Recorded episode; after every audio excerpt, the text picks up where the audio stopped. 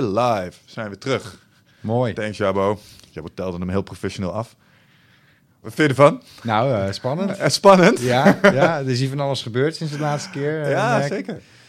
En die countdown, dat is ook iets nieuws. Dat is nieuws. En sowieso dat onze vriend Jabo nu ook aan tafel zit. Ja, Merk- professioneel. ja, ja, zeker. En ik merk dat dat zo af en toe de gespreksdynamiek ook al een klein beetje begint te beïnvloeden. Ehm, want je wil hem er ook op een of andere manier toch altijd een klein beetje bij betrekken. En en toe heeft hij ook wat zinnige dingen te melden. Dus, Oké, eh, ja. Hey, luisteraars, welkom allemaal weer bij een eh, nieuwe aflevering van Eindbazen. Vandaag zit ik in de studio met mijn wingman. Een eh, broeder inmiddels eh, van een andere moeder van al vele jaren. Oh jee. Hoe lang gaan wij al terug? Nou, eh, ik denk 25 jaar minimaal. Minimaal. Ja, Ja, zo lang, lang, lang. Ja, de oude online tijd, toen je elkaar nog online ontmoette zonder dat daar rare foto's doorheen gingen en dergelijke. MSN, Ja. onder andere. wij- MSN hebben wij inderdaad. nog veel gesprekken over gevoerd. Ja. Ja. En eh, het leek mij wel eens leuk om eh, vandaag, want je bent al een keer eer- twee keer eerder in de studio geweest. Zeker, ja. Ehm, om je weer eens even terug eh, te inviten, gewoon om eens eventjes wat beschouwingen te doen. We hebben natuurlijk bepaalde stappen allebei in ons leven gemaakt en die hebben ook van elkaar mogen aanschouwen. En we hebben toch ook wel daar een bepaalde structuur in aangebracht. Nou, mensen die mij volgen weten in ieder geval dat ik weet dat ik dat vast vind. Echt gewoon. Ze praten over het leven in brede zin is altijd hartstikke leuk. Maar voordat ik dat doe, eh, moet ik wel eventjes eh, eh, onze sponsors noemen. Onze sponsoren zijn de Gymbox. Die jongens die hier laatst al een keer in de studio zijn geweest om te vertellen over een prachtig concept. Die boys die importeren containers, bouwen ze om, gooien ze vol met fitnessapparatuur en die kunnen dan gewoon ergens neerzetten. En er staat me er iets van bij dat jij ook zo'n ding in je wijk hebt gehad, toch? Nou, die staat er nog. Die staat er, En, hè? eh, Ja, je die bent wordt ook best wel veel recentelijk gebruikt, ja. Ja, Ja, nee, ik, eh, ik woon aan een, eh, sinds kort, ik ben verhuisd in, eh, in oktober, maar ik woon aan een heel groot groen plein. En aan de rand daarvan staat een eh, ongelooflijk grote zwarte container met Ja. allerlei eh, monkey eh, bar en eh, eh, dat, soort, eh, dat soort zaken. ja. En eh, er staat een briefje op, half november wordt deze weggehaald, maar volgens nog staat hij er gewoon nog. Oké, ja, nou ja, mooi. Maar het- volgens mij een goede manier om te trainen. Goed om te zorgen dat hij ook gebruikt wordt. Heb je Ja. zelf al mee getraind? Ik heb er absoluut aan gehangen, ja. Ja, en? de hele buurt kan maar zien. Ja, ja, ja, ja, dat lijkt me wel op zich ook wel weer een, een drempeltje om te nemen. Als je Nou, dan, het is- vooral zo'n klein, iedereen kan erbij, al die, al die mensen die dan... Want het idee is natuurlijk, eh, zeker als je thuis iets, eh, iets hebt staan, dat je nou ja, op ieder moment dat je wil eh, eh, even een korte oefening kan doen. Mhm. Maar ehm, eh, als dat voor de deur staat, ja, dan heb je dat gevoel ook. En als ik de vuilnis wegbreng, dan denk ik soms, nou, even vijf, eh, vijf chin-ups. En dat doe ik dan gewoon met mijn jas aan en eh, even snel. Ja. Vaak is het donker deze dagen. Dus, Ja. Kan het even als ninja. ja, maar je ziet ondertussen wel tien huishoudens die uitzicht hebben op jou. Ja, goed, dat ach, maakt uit. hè. Nee, dat kan motiveren volgens mij. Ja. Ehm, en laten we het ook meteen even hebben over onze andere sponsor, Eh, je hebt er net eventjes in gezeten. Als je dan eh, goed hebt getraind, dan eh, is het misschien ook wel fijn om zo af en toe een massage te krijgen. En wij hebben hier sinds kort hebben een massagestoel in de studio staan. Bart is zo vriendelijk geweest, eh, eigenaar van Total Seat, eh, om die eh, achter te laten. Je hebt er net ook even in gezeten. Hoe was dat? Nou, eh, best wel eh, heavy, ja. Doe het echt, hè? Je wordt aangepakt. Ja, ja. dat had ik ook de eerste keer dat ik ging van, oké, dit, eh, dit doet daadwerkelijk iets. Ja. Ja, mooi. Jij was laatst ergens geweest waar ze het super deluxe model van Total Seat hadden, toch, Jabbo? Ja. Waar was dat? De Relax Lounge in, eh, in Amsterdam. En daar eh, hebben ze ja, de 5000 euro. En dat kon je ook echt merken, zei Next je. level. Ja, wel echt next level. Ja, ja, ja, goede shit. Maar als je dat dus interessant vindt, je denkt, nou, zo'n ding dat heb ik thuis ook nodig. ehm, check totalseat.nl en eh, koop er ook even voor jezelf, zou ik zeggen. Ehm, want massage, best wel belangrijk. zeker als je fanatiek sport. Ehm, volgens mij vertelde jij, ga jij nog regelmatig voor sportmassages? Of? Nou ja, ik, ik zei net, ik ben verhuisd. Ik woonde tegenover een Thaise massagesalon. Die was echt goed. Ja. Die waren eh superkundig, weet je wel. eh stang aan de muur en eh, over je heen lopen, noem maar op. Dus het ligt wat uit de route. Maar ik had wel de bedoeling om dat zo ongeveer maandelijks te doen. Ja, ik vind het toch wel heel belangrijk. Ik zou dat ook vaker moeten doen, jongen. Net zoals de, de sauna en het, Ja. en het floten van dat daadwerkelijke onderhoud. Ik had wel verwacht om dat meer op te pakken tijdens dat stukje voorbereiden op KCT. Maar het zijn typisch van die dingen. Het is zo makkelijk om het toch maar even te laten. Of we doen het Ja, volgende klopt. week. Je moet het of, inplannen en dan moet het in de buurt zijn. Mijn floatlab is eh, verhuisd naar eh, Sloterdijk, ook niet echt Mm. om de hoek. Dus ook dat is er een beetje uit. En ik vind zeker bij, eh, nou ja, als je mentaal werk doet, is dat floten heel fijn. Want je gaat even helemaal op nul. Ja, en als je, nou ja, 40 plus, zoals jij en ik zijn, bent, plus een, een, een zittend bestaan leiden. Ik dan als Mm. advocaat, maar veel mensen natuurlijk eh, sowieso. Ja, dan moet je dat soort dingen gaan doen. Ja, laten, we- het daar eens over hebben, jongen. 40 plus zijn. Oh man, ja. Ja, echt? Ja, bij jou ook? Nee, eigenlijk niet. Nou, ik heb... Als ik eerlijk ben, eh, vind ik het top. Ja, ik ergens ook wel. Want ik merk dat het me rust geeft. Alleen ik werd recentelijk helaas eh, geconfronteerd met een overlijden in... eh, ehm, de echtgenoot van de beste vriendin van een van mijn vriendinnen overleed. Wow. Ja, en dat is heftig. Maar wat ik er heftiger aan vond, was dat hij 47 was. Dat Ja. is eh, binnen een behapbare, eh, over, overzichtelijke tijd van mijn eigen leeftijd momenteel. Dus we beginnen nu zo langzaam... Ik ben de laatste tijd veel weer aan het nadenken over doodgaan en zo. Van, van yo, het is eindig, snap je? We beginnen een beetje... We zijn over, nou, over de helft, wil ik niet zeggen. Maar misschien ook wel. Ja. Snap je wat ik bedoel? Ja, ik Eh, snap Denk je daar wel eens na, over na? Nou ja, ik, ik, ik weet niet of het dan gewoon een soort mechanisme is wat mij daartegen beschermt. Maar ik, ik, ik kom niet heel diep in die gedachten. En ik vind het ook eigenlijk niet zo. Ik denk van ja, nou, op een gegeven moment val je om. Ja. Eh, en ik merk dat dat dan voor mij, ehm, nou ja, geen verrassing en ook niet zo heel erg eng is. Nee. Maar misschien dat je er dieper in moet duiken om het, om het echt te voelen. En eh, nou ja, ik heb nu een kind eh, van anderhalf. Je krijgt wel, ik merk wel dat je dan meer iets krijgt van... Het zou toch naar zijn als dat een kind wordt wat later zegt... Ja, maar mijn vader is al heel vroeg overleden. Weet je wel, dat zou ik een heel verdrietig idee vinden. Ja. Dus die, dyna, die dynamiek zit er, zit er ineens wel achter. En dat is Je- natuurlijk ook iets wat bij de leeftijd hoort. ja, dus je wil wel voor longevity gaan, oh, niet, niet in de laatste plaats voor je kind. Ja, eigenlijk Ja. dat. Ja. Zit, zit er ook, eh, nu, nu je vader bent, iets in... Ja, je, hebt, je bent daar minder mee bezig geweest als ik volgens mij. Maar hey, ik heb mijn genenpakket doorgegeven. Dus er loopt nu een soort mini-mi rond, zeg maar. En die kan ik mijn ideeën... en Ja, dat, vind ik, mijn- dat vind ik wel echt leuk, ja. ja, dat snap ik. Maar, Ja. maar heb je dan ook het gevoel van... En daarmee word ik een soort van voortgezet als ik er straks potentieel niet meer ben? Of is dat besef niet? Eh, nou, ja, wel. Ja, Ja? ja? eigenlijk wel. En eh, voortgezet niet. Maar ik, ik vind het zelf dus heel erg leuk dat zowel mijn vrouw als mijn kind mijn achternaam eh, hebben Hmm, overgenomen. Nou, mijn achternaam is een opvallende naam. Zeker. Er is ook heel wat aan gesleuteld door verschillende familieleden. Sommigen schrijven met EU, sommigen zo? Met, met alleen een O, geen umlaut. Eh, maar ik ben van de umlaut eh, club. En eh, ja, ik, ben, ik, ik, ik vind het leuk dat die naam wordt voortgezet. En dat mijn vrouw ook trots was om die over te nemen. Ja. Ehm, eh, misschien dat het gevoel van voortzetting iets groter zou zijn als je een zoon zou hebben. Hmm, Ehm, ja. Een mini-me-idee. Ik heb een dochter. Ja, en die is anderhalf. Het is nog iets te vroeg misschien om, om dat heel erg ook als een persoon te zien en te herkennen Snap ik. dat het een kopietje is. Ja. Wat het natuurlijk is. Eh, ja, 100%. Dat denk ik wel. Dat, tenminste, dat is wel veel mensen om me heen hoor die vaders en moeders zijn geworden. Kleine, ja, ja. kleine hints, maar eh, nee, maar zo, zo, zo voel ik dat nog niet. Maar het is wel ontzettend, het is een ontzettend leuk idee dat je vanuit een relatie met iemand ineens een gezin wordt. En dat Mhm. je ineens nou ja, met z'n drietjes bent. En een klein, eh, kleine eh, verrassing of nieuwtje is dat er een tweede onderweg is. Aha. dat, weet, dat Gefeliciteerd. weet nog niet iedereen. Eh, Bij deze wel, half eh, Nederland straks. en dan krijg je een gevoel van... Oké, wij zijn al met z'n drieën. Er komt Mhm. iemand bij. Mhm. wel? En, en dan, dan word je een soort van ontvangend gezin... met een, derd, eh, met een tweede kind er nog weer bij. En, en dan heb je dus ineens een team. In plaats van ja, Remco, ik en nog iemand... Renate, mijn vriendin. Mhm. Twee individuen. Dat, die, die, die dynamiek is wel echt... ehm, eh, eh, heel erg eh, eh, ja, ingrijpend en, en leuk om te ervaren. Dat snap ik. Dat zijn wel de beginselen van een hè, jongen? Nou, is daar mis mee, joh? Ja, nee, helemaal niks. Nee, geweldig. Ja, gewoon doen. Ja, dus nee, maar oké. Ja, nee, want ik vroeg me dus inderdaad af of... eh, eh, we, we hadden het net over 40 worden en dat soort dingen. Ik vind het ook wel bij de leeftijdsfase passen in dat opzicht, eh, waar je in zit. Ja, ja. Maar ik vroeg me af of dat nog iets deed met je beschouwing op je eigen sterfelijkheid. Maar nou ja, Nou, wel dat je denkt, ja, eh, 50 is waarschijnlijk ook dit en dan ben je daar. En- Ja. Maar, dat, maar ik, ben, ja, ik ben gewoon iets te optimistisch misschien voor dit soort dingen. En dan denk ik van ja, maar ik zie 50ers om me heen, ik zie 60ers om me heen. zeker. Die allemaal nog hartstikke fit zijn en eh, nog veel, heel veel uit, eh, uithalen. Sterker nog, we hadden hier Ronald Kaan. Ja, Zijn leeftijd ontschiet mij even. Ja. maar dat was ook, die was ook de 60 volgens mij wel gepasseerd. En zo vol als die vent nog in het leven stond en hoe, hoe die bezig Ja. was met eh, de romantiek en dat soort. En hoe die daar nog steeds eh, in volle teugen van leek te genieten. Was voor mij ook wel zo van, ja, je kan dit natuurlijk de komende 20, 30 jaar gewoon prima allemaal nog op deze manier volhouden. Nou, ook naar mijn vader kijk, die, die heeft zijn derde relatie nu, serieuze lange relatie. En ehm, ja, daar, hij wordt daar zo vrolijk van. Ja. Hij is op Facebook de actiefste eh, Facebook-vriend die ik heb. Hij heeft het maximum van 5000 volgers.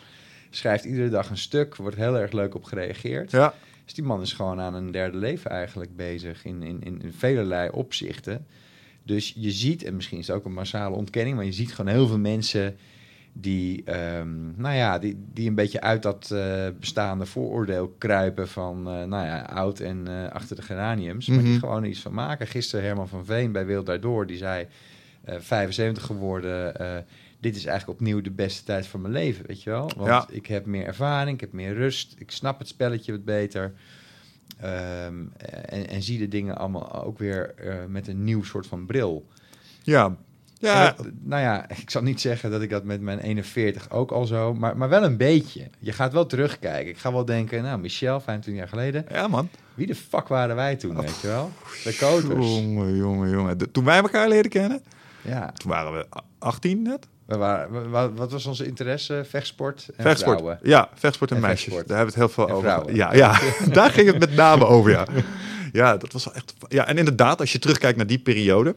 Nou, dat is dus altijd wat ik zo interessant vind. Toen ik 30 was, eh, of toen ik 30 werd en ik keek terug op mijn 20-jarige zelf, dacht ik, jezus, wat een broekie. En toen ik 40 werd en keek terug op mijn 30-jarige zelf, dacht ik, jezus, wat een broekie. Ja, En ik denk dat dat zich gaat voortzetten totdat je er in principe eh, mee ophoudt. Alleen wat, ik, ehm, wat nieuw is voor mij, eh, en waar ik tegenaan loop, en ik denk dat daar dat, dat besef van sterfelijkheid een beetje vandaan komt. En ik heb jou er in de stand-ups ook wel eens een klein beetje over horen mopperen, is het fysieke stukje. ja. Begint nu een beetje mee te spelen. Ik begin, oh, meer rust nodig. Eh, joh, herstel van trainingen duurt gewoon langer. Ja. Eh, joh, ik hoef niet meer per se om twee uur s'nachts ergens in een of andere tent. Ik vind het wel geshuffeld, weet je wel. Dat Ja, soort dingen, dan merk je ja, toch... ja, hey, als je dit had uitgelegd uh, of had verteld dat het zo zou worden aan 30 jaar, die had dat nooit geloofd. Ja. Dat, nee, Nee, jongen, dat blijf je leuk vinden. Maar da- daar merk je het wel een klein beetje. in. ja. Vind je dat vervelend? Nou, ehm, ik, ik begin me langzaam wel te beseffen dat bepaalde soorten van sport gewoon niet meer zo geschikt zijn voor deze leeftijd. Hè, dus dat ik denk van, nou joh, eh, natuurlijk ga ik er volop in. En eh, dat is toch een beetje hoe ik het uit geleerd heb. En eh, nou, net als jij, vechtsportachtergrond, dat Ja. is een kwestie van niet zeuren en eh kin op de borst. Eh, en probeer je Hagima te redden. En doen. Eh, dus eh, ja, dat is, dat is een intensieve training. Ja, daar krijg je geen rekening voor. Dus je, hè, je wordt de volgende dag wakker, nou ja, zo stijf als een plank. Pijntjes. En eh, ja, daar sleep je je wel weer doorheen. Eh, maar ja, je, ik heb een andere bureaustoel eh, aangeschaft. Ik heb, eh, doe meer yoga. Maar het is eigenlijk puur om eh, nou ja, wat soepeler te worden. Ja, ik Aan de andere kant, toen ik 25 was en dacht aan eh, mensen die nog aan het kickboksen waren op hun 41ste.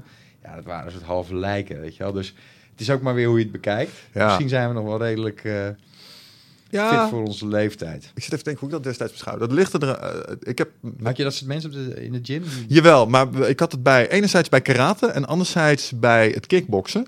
Ehm, en eh, in, eh, in één geval was er een iets oudere eh, kerel die zat in beide klassen. Dus die zat en bij het Shotokan karate en die kwam ik in het kickboksen tegen. En wat ik altijd zo leuk vond aan die vent is dat hij, hoewel hij de 50 ruim gepasseerd was, hij, hij, hij telde mee. Hij was een soort taaie rakker en hij was Ja. misschien wel niet de snelste of de hardste, maar hij had wel eh, overzicht, stukje ervaring. Eh counterde alles heel structureel met die low kick, want hij wist Ja. hoe het spelletje werkte. Ja. Dus hij was niet iemand waar je zomaar even overheen walste of zo. Dus ik eh, had in die tijd Frans. ja, Eh, meester Visser moet ik hem eigenlijk noemen. meestervisser. Ja, je wilt het niet geloven, maar ik heb dus op de lagere school les gehad van een, een leraar. Die was een invalleraar, die heeft een half jaar of een jaar ons les gegeven. En was Ja. een hele stoere boy.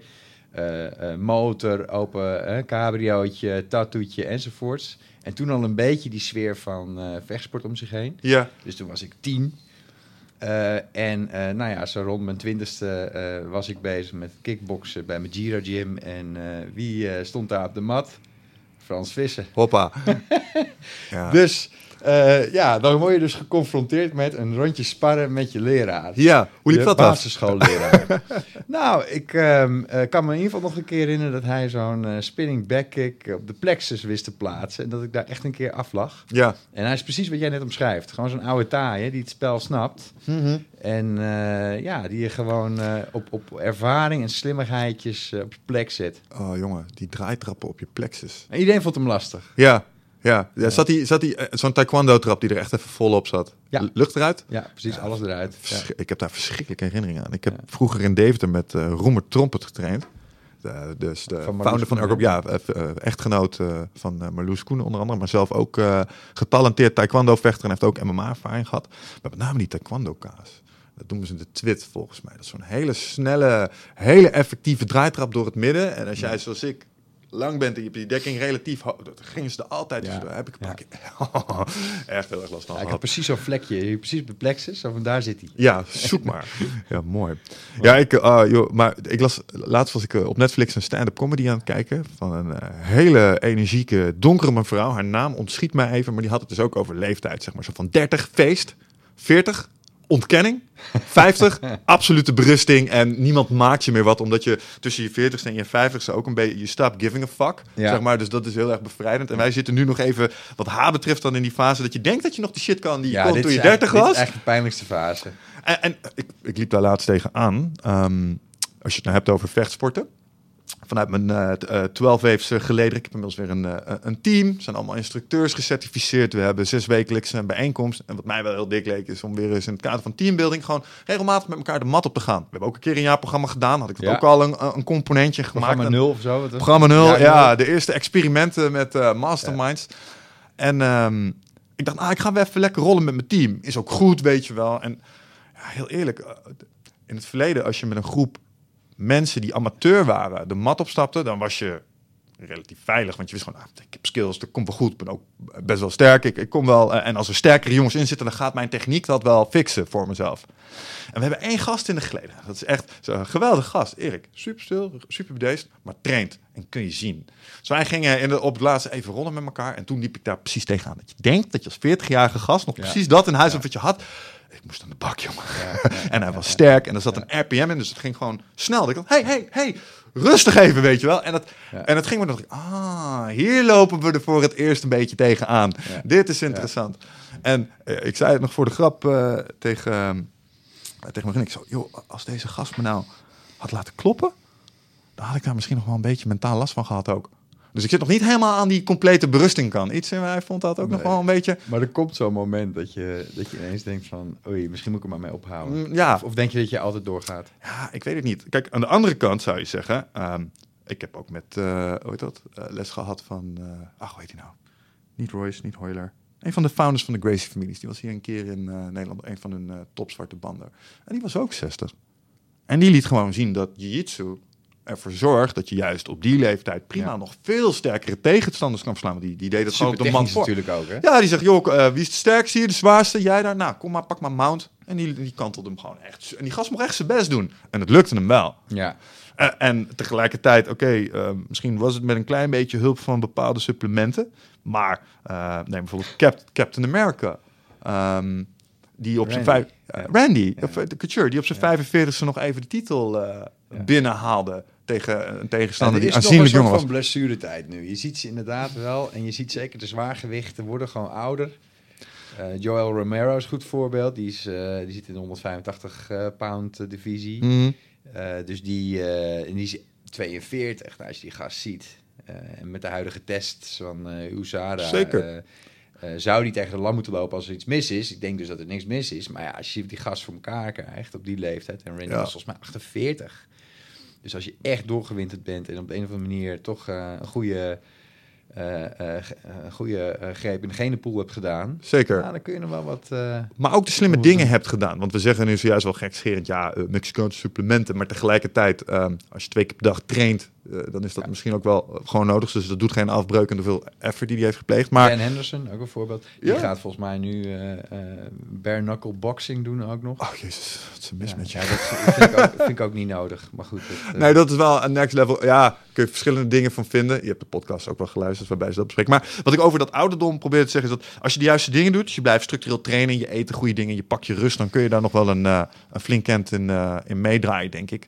En eh, nou ja, we kennen natuurlijk ook eh Jocko allemaal. Ja, Eh, is ook eh, 45, Ja, oké, eh, ja. draait ook nog flink door op de mat en traint gewoon elke dag. Ik denk dat het ook een kwestie is van functie blijven vragen. En wat, wat in dat opzicht wel hoopgevend en tegelijkertijd heel confronterend was. We hebben natuurlijk die KCT-selectiedagen. heb ik vanuit de zijlijn mogen aanschouwen hoe Wigert ja, dat gedaan heeft. eigenlijk? Waarom aan van de zijlijn? Nou, eh, niet in de laatste plaats, omdat ik eh, qua conditie nog niet zo ver was als Wigert. Ehm, ja, andere podcasts hebben het daar eh, bij de scherpschuts hebben het er wat over gehad. Ik heb niet goed genoeg naar Noël geluisterd. En je moest een bepaalde norm aantikken. En ik vond dat ik daar te ver van weg zat. Ik moest 2800 meter kunnen hardlopen. Oh ja. Ik deed maar 23,50. Wigget deed 27,80. Die 20 meter op de dag zelf, ja, dat zegt gewoon iets. En, en die boys, Ja. met name in een van de eerste trainingen met Noël, dat was een van de dingen die Noël ons echt wel op het hart heeft gedrukt, is, hey, neem het serieus, want die jongens die daarin zitten, voor jou is het gewoon een dag, een paar dagjes commandootjes spelen in principe, want jij gaat daarna nooit er iets mee doen, maar die jongens wel. Dus wees niet degene die het voor hun vernachelt, snap Ja. je? Dus als jij in hun groepje zit, en ze moeten iets met jou, jij bent degene die het de hele tijd voor ze. Nou, dat heb ik toen wel te harte genomen. En toen vond ik het verschil van de norm af vond ik zo groot. Ja. Dat ik zag, ik, heb het niet gedaan. En ik ben daar ergens ook wel een beetje blij om. Omdat, ehm, nou, ik mocht dus met het kader optrekken.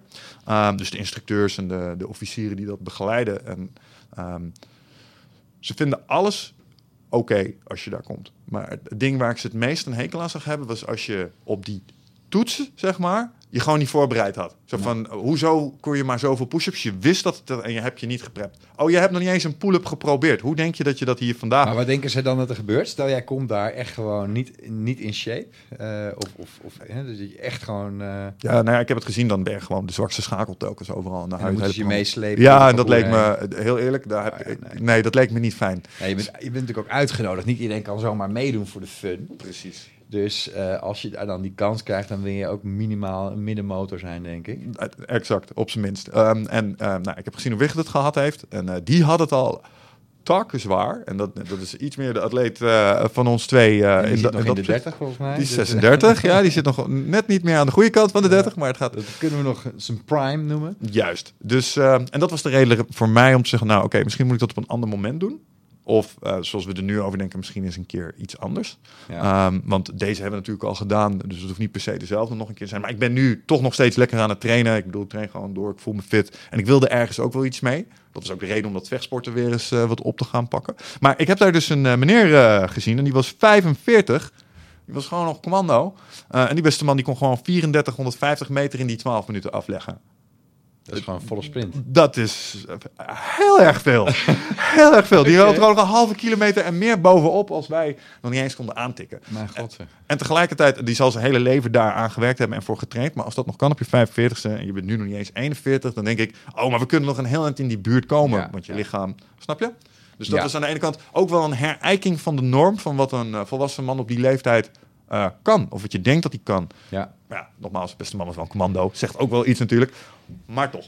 Ja, lastig. hè? Ja, ik denk dan dat je een enorme levensstijl moet hebben die daar enorm bij, eh, bij aan, eh, Ja. aansluit. En je Klopt. hoort wel eens van, ja, nee, maar als je maar wil, dan kun je alles halen. Maar ik, eh, Ik denk dat ik daar inmiddels eh, iets, eh, iets anders... Ja, het kan, maar je moet de dingen voor laten.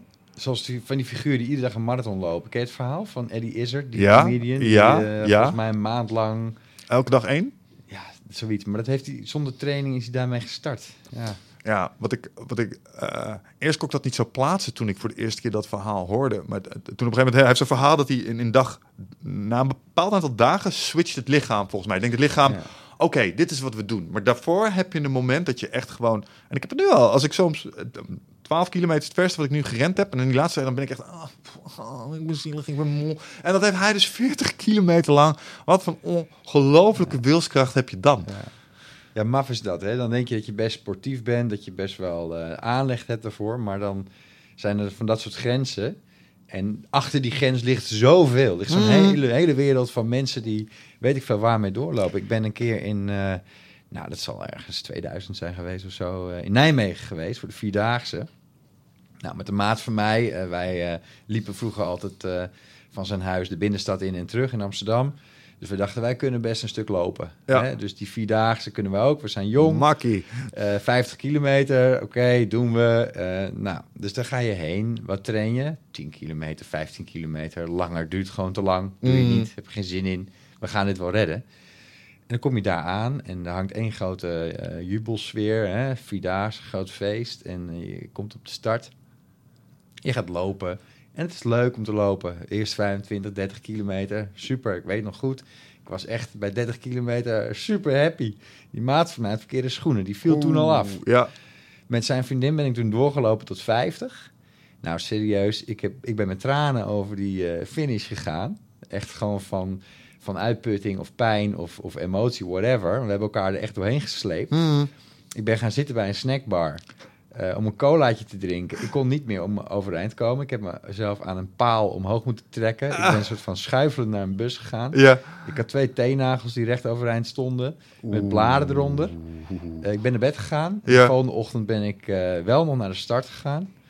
Maar ik ben na vijf kilometer of zo eh rechtsomkeerd gegaan. Want dit had nog drie dagen doorgemoeten. Want dit had nog drie dagen doorgemoeten. En ik voelde gewoon dat de pezen bij mijn heupen, die, die waren gewoon eh, zo ontzettend stijf. Ik kon gewoon niet meer een normale pas maken. Ik ging een soort van, ja, een soort van zijwaarts stapte ik een soort van naar voren. En ik denk, dit wordt niks. En dan moet je dus terug. Al die mensen, kom op, nee, ik kan het. Al middelvinger opsteken. Eh, jij, dan, verschrikkelijk. jij staat aan de kant. Maar echt dus afgedropen daar. En dan ben je jong, je hebt voldoende beweging in je leven, maar je bent niet getraind op die 50 kilometer lopen. Nee. En de dagen daarna zie je dus al die mensen juichend terugkomen van, hè, van zo'n dag lopen, bij die finish. Ik heb mensen op klompen gezien, ik heb mensen op blote voeten gezien. Ik heb de gekste dingen gezien, hele Mm. oude mensen. En nou ja, na drie dagen, we hebben de laatste dag niet meer afgewacht, maar na drie dagen, ja, dan... eh, ik, ik was het gewoon zat. Er Ja. was gewoon zoveel eh, positivisme, terwijl ik me zo slecht voelde over die vier dagen dat ik niet meer aankon. En de huisarts zei, godzijdank meer gestopt. Ja, Want als jij was doorgelopen, had je misschien je pezen wel gewoon kunnen afscheuren. Of hadden ze gewoon versleten geweest, had je de rest van je leven misschien pijn gehad bij het lopen. Dus ik ben heel blij dat je er gewoon uitstapt. Dus dat vind ik van die confronterende momenten. Weet je, van Mm, moet ik nou gewoon niet zeiken en luisteren naar al die gekken die dit soort verhalen gewoon. de eh, David Goggins van de wereld. ja, die, ja. Die, die, die, die, hè, die, die, die er gewoon doorheen breken en eh, zeggen het is allemaal mentaal. Of moet je gewoon heel voorzichtig zijn? Want dat, die kant heb ik ook wel in me, weet je wel. Ik, ik ben op een gegeven moment ook gestopt met het sparren bij, eh, bij het kickboksen. Want ik heb gewoon geen zin in hoofdpijn. Mhm. Ik heb ook geen zin meer in pijn aan mijn voet, pijn aan mijn hand. Of wherever je dan na zo'n eh, gezellige sparringsles eh, Ja. last hebt. Zelfs als het gewoon niet eens hard gaat. Je houdt altijd wel weer iets over waar ik geen zin in heb. Ja. Geen zin meer in heb. Ik begin ook wel meer, zeker binnen... Slap, Nou, jijn. Uh, Ergens zit er natuurlijk die, want uh, je, bent, je moet niet vergeten, we hebben jarenlange conditionering vanuit de martial arts gehad. Dat je moet doorzetten, dat je moet Ja. bikkelen. Het mag een beetje zeer doen. Als je naar de wedstrijden ging, dan zag je dat gedrag ook. Dat werd gevierd. Ehm, maar tegelijkertijd, uh, je moet je ook afvragen, welke mensen riepen dat nou precies? Uh, Ja. en, en als je even een stukje terugkijkt naar andere sporten waar regelmatig trauma op het hoofd plaatsvindt, hoe gaat het met die atleten, vele jaren later? Ja. Niet al te best. Nee, Voetbal, CTE is een ding. Ehm, en dat heb ik toch echt wel in mijn achterhoofd tegenwoordig. Zeker als het gaat om uh, ja, iedereen in Nederland die kickbox heeft gedaan, die heeft full contact gespart. Ja. Laatste keer, Nederlands onbekend, geloof ik. ja, de laatste keer dat ik in uh, Nederland uh, was bij Martijn de Jong, bij Tatsujin, full contact aan het sparen was, had ik een eetkant, omdat ik op een rechter liep. Oké. Ja, dat, Ja, en dat daar heb je ik twee dagen lang, eh, voel je uh, wat er in je hoofd. Ja. Dat je echt denkt, oei. Dat, ehm, of dat je je woorden wat meer verhaspelt. Zo denk je, oeh, als je kijkt naar wat ik doe voor mijn werk, ehm, is toch wel iets wat je zou willen behouden, misschien. Ja. En er zijn een paar aantal niet zulke charmante voorbeelden in Nederland te vinden, waarbij je vechters, die kunnen geen keynotes meer geven, mede door hun vechtsportverleden. Ja, heftig hè. Kijk, Ja. en ik, ja, ik had het een beetje hetzelfde. Ik zat de hele dag in de UB, heet het dan, Universiteitsbibliotheek, rechten te studeren, bestuursrecht, iets heel sufs. En dan s'avonds uh, uh, uh, met elkaar in de bak. Ja, ik, ik was daar klaar mee. Weet je, ik vond dat gewoon niet te verenigen. Ik ken ook jongens die daar heel goed in waren, die ook nu als advocaat werken en die ook gewoon uh, 15 wedstrijden hebben gedraaid. Ja. Um, en die gewoon super helder uit hun woorden komen. Maar ik had het idee dat het voor mij niet echt weggelegd is. Mm. Dat ik daar gewoon last van krijg. Ja, ja denk ik ook wel. Ja, en sowieso, als ik uh, kijk naar, naar de... Uh, en dat is ook iets waar ik bij KCT een beetje tegenaan liep. Um, ik denk dat je dat kickboksen ook heel serieus wil doen. Ik denk dat je sowieso niet recreatief even een wedstrijdje moet. Dan moet je echt serieus nemen. Dat kan Ja. je niet zomaar even erbij doen. Nee. Um, en dat, dat, ik denk dat dat nu helemaal zou zijn. Je moet het uh, weten te combineren naast de dingen die je doet. Uh, en ik heb gemerkt, bijvoorbeeld, ik weet ook wel, als je een spartraining hebt gehad, dan geef je misschien ook wel iets meer als dat je normaal bij een techniektraining zou geven. En dan heb je Ja. de dag erop dan weer last van. Ja. En dat is als je bijvoorbeeld, nou, uh, jij moet soms pleiten of je hebt complexe ca casussen te solven. Um, daar wil je ook niet in aangetast worden. Daar heb ik ook wel eens gehad dat ik een training stond te geven en dat ik gewoon merk, Jezus man, het komt echt van ver vandaag. Of ik ben niet even scherp of gevat. En dan ben je eigenlijk de mensen die centjes hebben gegeven aan jou om, om een bepaald kunstje te doen. Ja. Ben je ja. niet helemaal aan het geven wat je zou kunnen. Nee. Omdat jij de dag ervoor iets hebt gedaan wat dat Ja. nu voor de voeten loopt. Ja, en goed daar voel ik vanuit een stukje ambachtelijke trots dan soms ook wel eens iets van. Zo van hmm. Dus, eh, Ja, dat, hetzelfde geldt voor, uh, nou ja, uh, gezond leven, uh, op tijd naar bed en ook dingen als uh, alcoholconsumptie. ja. Ja, ik doe dat gewoon niet door de week. Precies met wat jij nu zegt. Ik heb uh, een uurtarief. En ik denk precies zoals jij nu zegt, eh, ik ga niet mijn uur, hè, wat, ik, wat ik aan een eh, goed betalende cliënt moet verkopen, ga ik niet een soort van eh, eh, eh, afbreken de avond ervoor. Nee. Ja, dat is, oh, als je trouwens hebt, ik hoorde het je net zeggen, het goede slapen. Ik hoor jou daar ook veel over. Ja. Voor de mensen die niet weten, Remco is ehm, naast goede vriend ook mijn wingman. En dat betekent dat wij elkaar elke dag een eh, kort bericht inspreken. Via de WhatsApp, gewoon zo'n voice berichtje. Soms, ja, we zeggen, ik zeg altijd, ze duren een minuutje, maar bij ons duurt het wel eens wat langer, omdat we er ook wat andere beschouwingen bij 2 en gooien. 12 minuten, denk ik. ja. Eh, en dan vertellen we eh, onder andere wat we gisteren hebben gedaan, wat we vandaag doen en wat eh, de klote dingetjes zijn. En een van de dingen die de laatste tijd heel veel voorbij hoor komen bij jou, is dat je zo lekker vroeg naar bed gaat en dat dat zo ongelooflijk goed voelt. Misschien zou dat nou ook iets zijn van leeftijd? Ik weet het niet. Nee man, ik denk dat dat gewoon iets is wat ik in het verleden volledig heb onderschat. En als ik dat beter zou hebben omarmd, hadden we nog meer kunnen doen. Ja, ik denk dat het de grootste lifehack is die er bestaat. Ga gewoon naar bed. Ja, En ehm, je hebt het nodig. En we denken allemaal dat, dat nou ja, dat eh, het valt wel mee. En eh, zes uur, eh, mensen die roepen, ik, ik kan met zes uur toe en dat is prima. Hmm. Ik vraag me dat af. Ik vraag me af of die mensen werkelijk ook wel eens gewoon drie weken achter elkaar acht uur per nacht hebben gehaald. ik denk dat je het dan pas voelt. Ja, Ik- want ik denk dat die mensen prima pre- presteren, omdat ze niet anders gewend zijn als Maar- het met die, zes, met die bandbreedte te doen. Dus dan word je handig in het met Ja. die hoeveelheid beschikbare energie doen. Ja, wat ik ook lekker vind, is dat het gewoon de focus meer op de dag legt. Dus je hebt, ja, als je wekker gaat, dan begin je gewoon, dan is het actie. Maar op een gegeven moment is het ook vrij vroeg alweer afgelopen. Weet je, Mhm. Eh, je hebt gegeten, je ruimt eens op en eh, je leest nog een krantje. En dan is het tien uur, half elf, dan lig ik erin.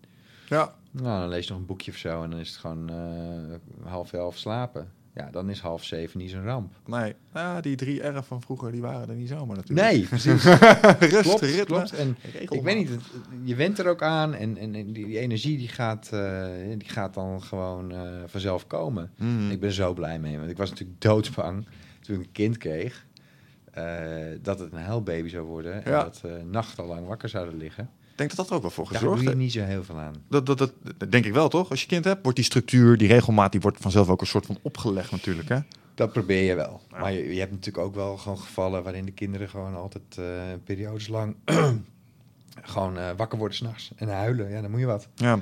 Ik was eh, laatst nieuwsgierig naar eh, ehm, onze Germaanse roots, zeg maar. Een van de dingen die ik interessant vind is dat het Romeinse Rijk hier ooit is opgehouden, zeg maar. Mhm. Bij de IJssel. En hoe kwam dat nou eigenlijk? Nou, daar kwamen ze bepaalde luid tegen. En daar kwamen ook Germanen uit het bos. En die waren aanzienlijk groter als Romeinen. Zeg maar. En ik maar waarom- wat zit hier in het genenpakket dat ervoor zorgt dat je zo groot wordt? Ehm, en dat heeft een combinatie tussen ons eh, dieet hier, heel calorierijk, onze boterhammetjes met kaas schijnen wat mee te maken hebben. Natuurlijk ook eh, genen. Maar een van de dingen die hier heel eh, vanzelfsprekend zijn, maar in andere delen van de wereld helemaal niet, is dat kinderen echt strak om bepaalde tijden gewoon naar bed Ja, moeten. Dat is echt een onderdeel in de cultuur. Zo laat Ja. gewoon je bed in. Eh, Zes uur aardappelen, acht uur allemaal eh, je nest in. onder ja. zeil. En als ik kijk naar mijn jeugd, was dat ook zo.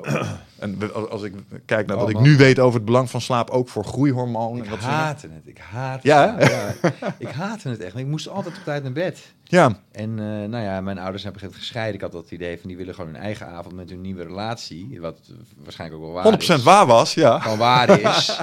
maar eh gevolg daarvan was dat ik iedere keer oh, ha- half acht, acht uur, echt vroeg. Weet je wel, vriendjes die mochten allemaal, had ik het idee, minstens een uur later. Mm. Vakantie was dan tien uur, weet ik ook nog wel. Dus dan ben je, dan ben je twaalf en dan mag je om tien uur naar bed. Vind je dan heel wat. Maar het was altijd zo vroeg en ik had er zo'n hekel aan. Ja. Ik, ik had dus ook heel lang... ehm, ik vond slapen niet interessant. Ik vond het... Het boeide me niet. Ik wilde het niet. En het heeft best nog wel een tijdje geduurd. Ik heb echt, nou ja, eh, tot eh, nou, misschien wel de laatste drie, vier jaar geleden... eh, ja, maar was ik er niet zo'n fan van. Nee. Nee, ja, ik kan nog steeds niet echt zeggen dat ik het nou heel erg lekker vind. En ook uitslapen bijvoorbeeld is niet mijn ding. nee. Ik, als ik wakker word, dan wil ik dingen doen. Koffie en dingen doen. Dat, ja, dat is ja, ja, ja, voor, ja, eh, ik heb ook wel een, bi- een bioritme in dat opzicht, ja. En dan gaat die aan en dan, eh, of dan denk je, oh, het is zo laat, ik ben wakker. Ik zou nog even kunnen slapen. Maar dan is het eigenlijk al te Ja, laat. ja, dus, dus daar zit het nog wel in. En dat ondervang je dus door wel om tien uur, half elf Ja. eh, in te pakken. Ja, Maar het is wel, ja, het, het- ergens vind ik het soms ook gênant, want er komen de mensen eten. En eh, ik ben dan in het begin van de avond, eh, nou, hè, zit ik nog vol in mijn dag, eh, zeven uur. Hartstikke gezellig, leuk en enthousiast meedoen.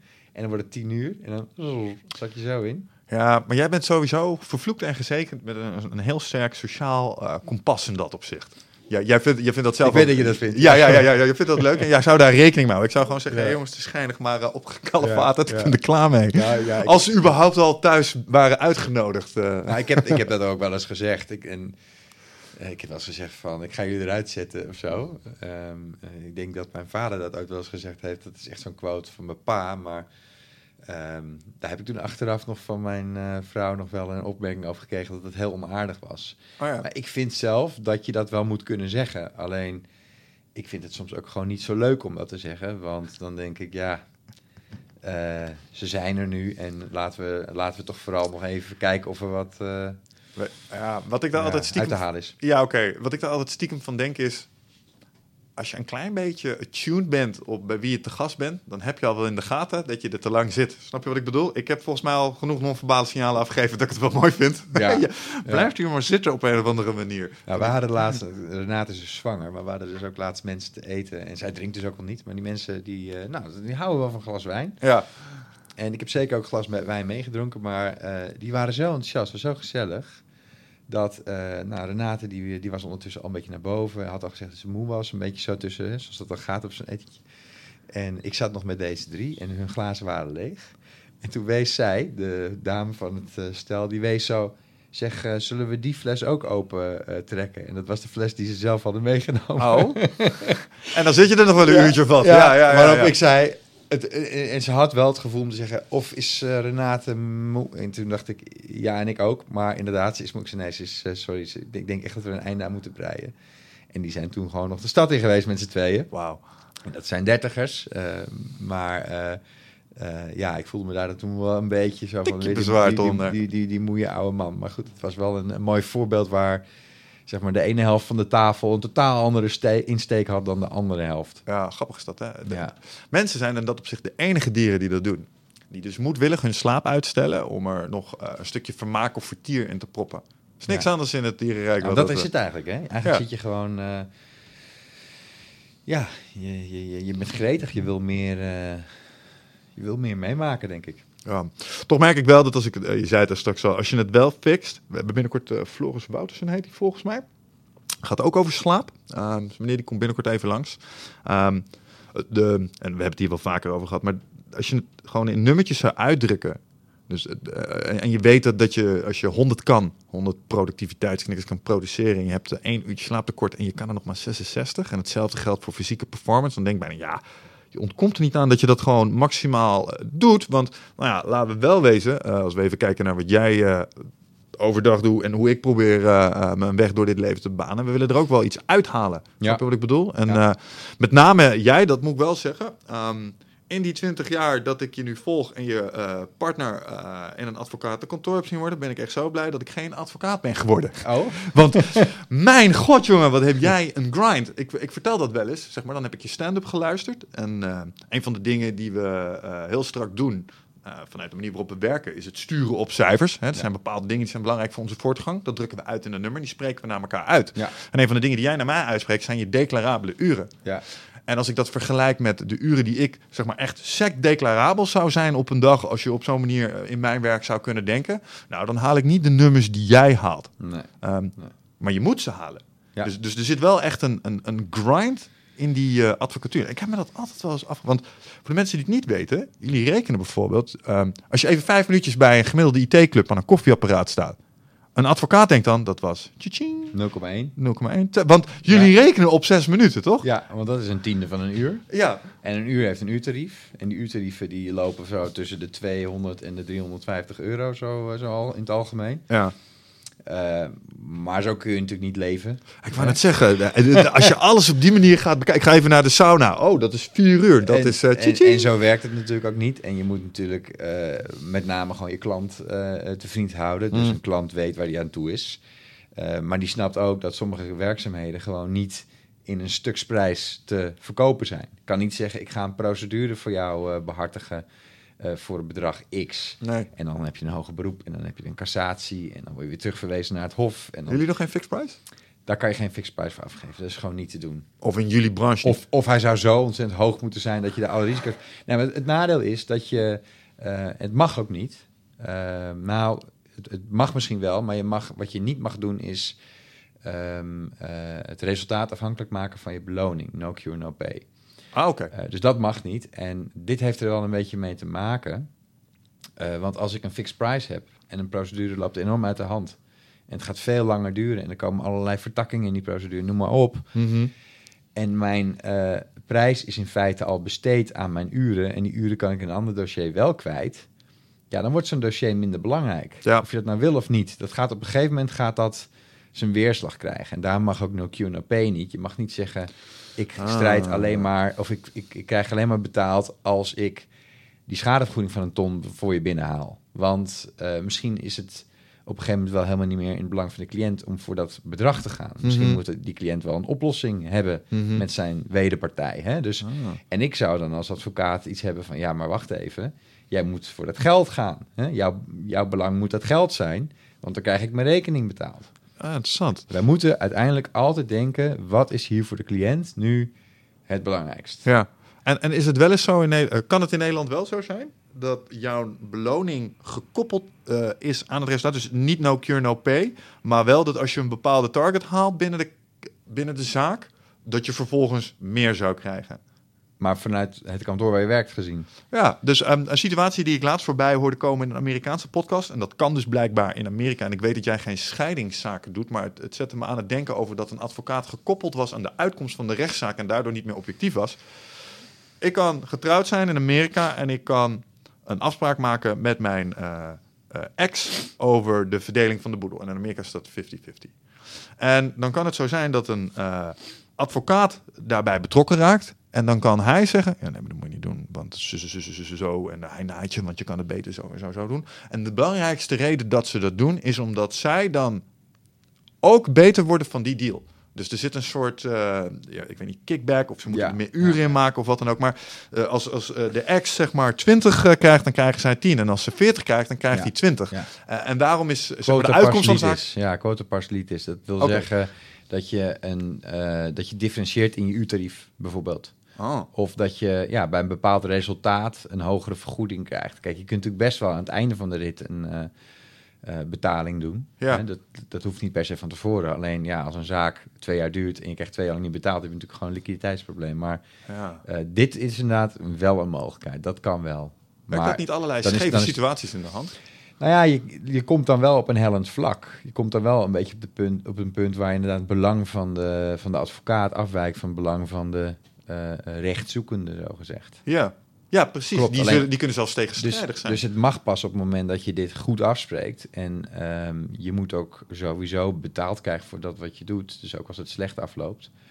Eh, want als jij alleen maar voor die pot vecht, zeg maar, omdat je dan pas betaald krijgt, ja, dan krijg je echt die situaties bij No Cure die, Ja. die, die niet mogen. dat lijkt me ook wel het moeilijkste, denk ik, toch wel ook aan, aan wat je doet. Als je, een, als je een, een zaak ingaat en het pakt niet positief uit. En je moet dan vervolgens je niet geringe eh, factuur presenteren aan een Ja. reeds teleurgesteld persoon. Ja. Ik zou zeggen, misschien moet je dat aan de voorkant van dat proces doen, zodat je dat gehad hebt. ja, dit, dit, is, dit is voor iedere advocaat een ding. En eh, ja, kijk, eh, het staat en valt gewoon bij informatie vooraf. Hè? En wij noemen dat, ehm, er is een procesrisico.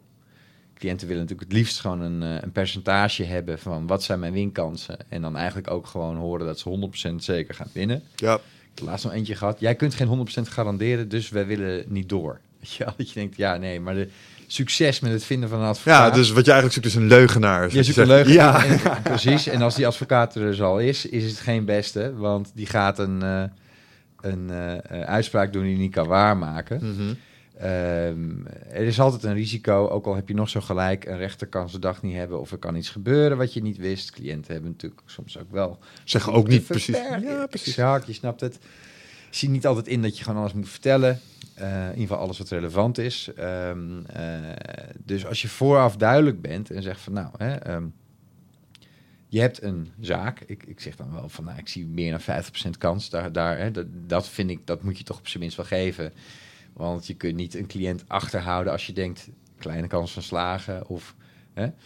Dus dat doe ik wel. En ja, dan, dan moet je van tevoren ook gaan communiceren wat het ongeveer gaat kosten. En dan ben je niet een prijsafspraak aan het maken, maar dan zeg je van, nou ja, en met een kort geding moet je toch rekening houden met een bedrag tussen de 10 en de 15 of iets dergelijks. Hè? Ja. Hangt van de zaak af, maar dus die weten dat dan wel.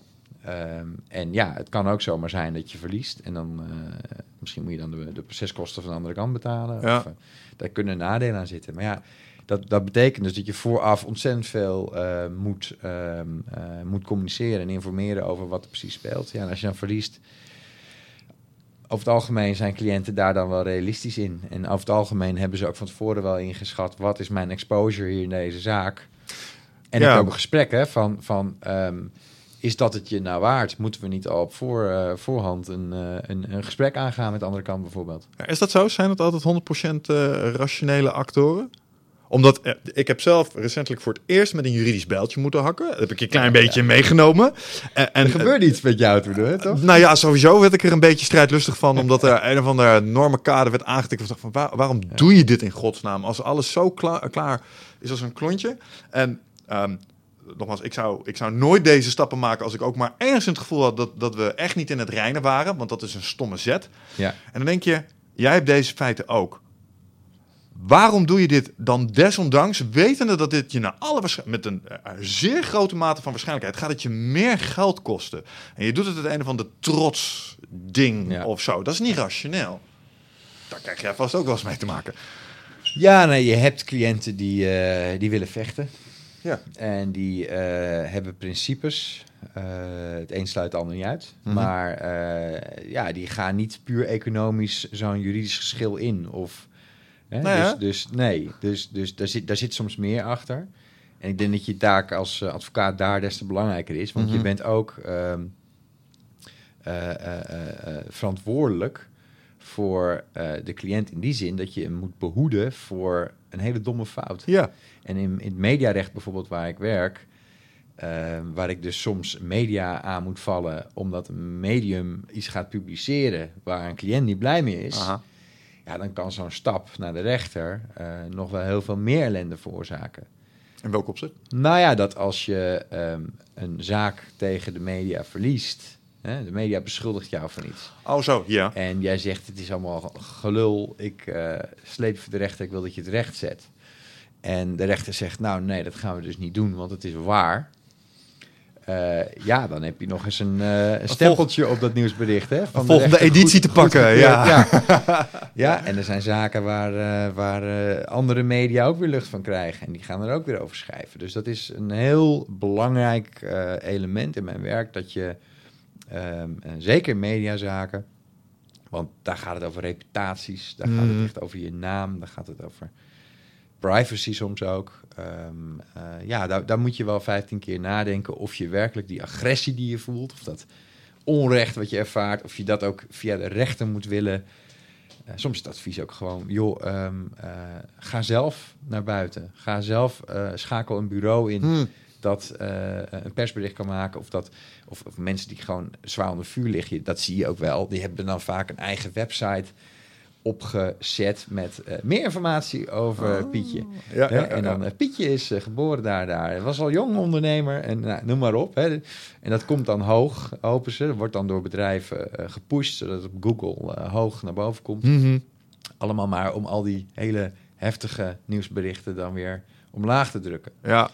In dat opzicht is het voor jou natuurlijk extra fascinerend, vooral als het gaat om, om reputatie en naam en een beetje de smaad- en lasterhoek in combinatie met het internet. Bedoel, Ja. want, want hoe prevalent was dat nou voor, toen jij begon aan je studie? Ja, Daar zijn allerlei klopt. nieuwe, nieuwe gevallen Ja. in, eh, naar voren gekomen. Ja. Volgens mij zie je heel veel van dit. Ah, die zei dit en dat mag niet en dat moet even.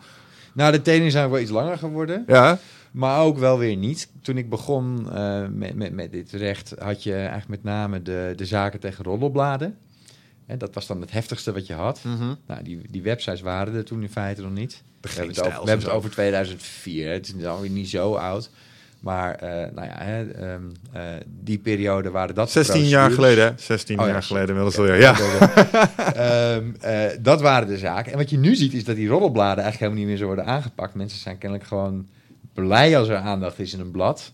Want hè, dat is tenminste nog een serieus medium. Nee, het gaat Mhm. nu meer om de dumpers, de, de geen stijls. Eh, dat soort, eh, dat soort eh, websites waar, ehm, waar dingen gepubliceerd worden. Maar ook wel Facebook of, of ja, hè, dus mensen die onderling in het openbaar ruzies uit, uitvechten en elkaar beschuldigen. Mhm. En daar is men dan wel weer gevoeliger voor. Maar ja, er is natuurlijk ook nu veel meer, er wordt veel meer gekakeld, zo gezegd. Ja, je zou toch zeggen dat dat nu na een paar jaartjes internet met z'n allen, dat dat ook wel een beetje anders is geworden. Snap je? Want ehm, als ik kijk naar eh, mijn eerste aanvaringen met het internet en betrokkenheid bij wat er daadwerkelijk gebeurde, waar we elkaar hebben leren kennen, Ja, mixed fight. ja. Ik kan me echt niet voorstellen dat ik ooit nog zoveel tijd ga steken in geschreven berichten naar andere mensen die ik helemaal niet ken over gevechten die je vijf jaar later waar je het nooit meer over hebt. Nee, Snap je? nee, nee, dus en, en- en toen trok ik me aan wat die mensen zeiden en wat je, want je kwam elkaar ook nog eens een klein beetje tegen in de gala's eromheen of zo. Misschien heeft dat het ook wel versterkt. Maar ergens heb ik zoiets van, dat gaat me echt, een- het is internet. Ja, maar jij, jij kon die mensen nog aanspreken. Hè, dat, en, en, en misschien dat dat er ook wel een beetje uitraakt. Dat mensen eh, veel meer besef hebben van privacy. eh, zich eh, daardoor ook daar eerder in aangetast voelen. zich makkelijker achter een computer verschuilen. Hè, dus dat, dat persoonlijke contact ook niet meer echt hebben. Dus als het geschreven wordt, dan is het ook kouder. En dan, en dan ga je daar misschien ook, ook zakelijker mee om. Ehm, eh, ja, maar je ziet het wel terug hoor. Rechters die, die dus dit soort zaken beoordelen, die zeggen ook wel eens, ja, maar op Twitter wordt echt van alles gezegd. Dus, ja. dus deze tweet rechtzetten, sorry, maar die is al zo ver weggezakt. Ik, dat- maar dat is het Dus ook. dat- als dat er iets zie je wordt ook wel. het- het- het- want ik denk ook altijd, als je de aandacht aan geeft, eh, dan gaat het ook groeien. Ik heb wel eens gedacht, Ja. Zeg maar, eh, als er eens iets zou gebeuren waar je echt voor zou generen of zo, is volgens mij tegenwoordig het allerbeste wat je kan doen, er gewoon volledig in gaan hangen. Ja. Van, ja, was ik. Ja, ja, die- cares? Ja, die voorbeelden heb je ook wel inderdaad. Ja. Ja, En soms noodgedwongen. Denk aan Patricia Pai. Ja, die moest wel, die moest wel naar buiten en zeggen, dat ben ik. En ik heb dat eens geprobeerd. Lachen, hè? Ja, eh, maar dat is het volgens mij. Nou, dat het zei ze allerbeste wat je kan niet, maar het was, het, het- nou ja, ze is er gewoon niet voor weggelopen. Ik denk, ik denk dat dat sterk was. Maar die heeft wel een procedure gestart. En ik denk ook wel terecht, want die heeft gewoon schade geleden daar. En te- laten we wel wezen, er zijn natuurlijk bepaalde dingen En die... dit gaat gewoon te ver. Ik bedoel, Ja, dat is toch privé opgenomen, dat moet je niet op die manier Nee. lekken. Dat, Nee. dat, I get it, I get it. Dat zou ik ook vervelend vinden. Maar, maar desondanks, ik denk dat inderdaad het beste wat je kan doen is niet proberen het Barbara Streisand effect. Als je het Ja. probeert weg te krijgen, dan wordt het alleen maar erger. Ja, dus je kan wel beter erin gaan hangen, je eigen parodie erop releasen en dan heb je dat ook weer gehad, denk ik. Of het verhaal, hè, de rectificatie. Michel Vos is geen pedo, weet je? Ja. Ja. nou, fijn om te horen allemaal. Ja, ja, ja. Oh, hoezo? Was dat ter sprake dan? Ja, nee, maar toch fijn dat we het gezegd Ja, hebben. Ja. Dat is, dat is, dat is het, ding. Maar, maar als je het vanuit de andere kant bijvoorbeeld bedrijfsmatig bekijkt, vanuit grote bedrijven ook, beursgenoteerde bedrijven. ehm, eh, soms zie je dat een, eh, eh, nou ja, de, de, de aandeelhouders, de raad van commissarissen, de, de CEO's, het buitenland gewoon eist dat er iets gebeurt. Mhm. Wat is er in Nederland in Jezus naam aan de hand? Wat wordt er geschreven? Waarom doet niemand iets? Hè? Ja. Eh, er moet gewoon actie zijn. Eh, waarom? Omdat anders de aandeelhouders boos worden, bijvoorbeeld. Of, Mhm. nou ja, noem maar op. Eh, dus soms is het ook vanuit die zin, en dan, nou ja, dan kan je het misschien erger maken, maar misschien maak je het het ergst als je het gewoon laat liggen. Is, is dat een reden om actie te ondernemen? Ja. ja. Ik ben nu bezig voor een groot bedrijf dat eh, in een medische publicatie, ja, het, is wat, eh, het is wat ingewikkeld, maar in een me- medische publicatie in India eh, is, eh, nou ja, is geschreven dat het product van dit bedrijf levensschade zou, zou opleveren. Zeven auteurs, allemaal Indiërs, allemaal doktoren, heel heftig. Er is iemand overleden door het gebruik hiervan. Hm. Ja, dat bedrijf staat op zijn kop. Ik bedoel, het is eh, een Amerikaans bedrijf. Dit gebeurt in India. En ik eh, eh, ben bezig met de uitgever, Elsevier, ehm, eh, die dit dus uitgeeft. Dus Ah. dat is de link met Nederland. Ja, dat is, dat is zo heftig. Maar het is nu weg. Ja, Het is gewoon verwijderd. het product bedoel je? Nee, de, de, de publicatie. Oh, zo, ja.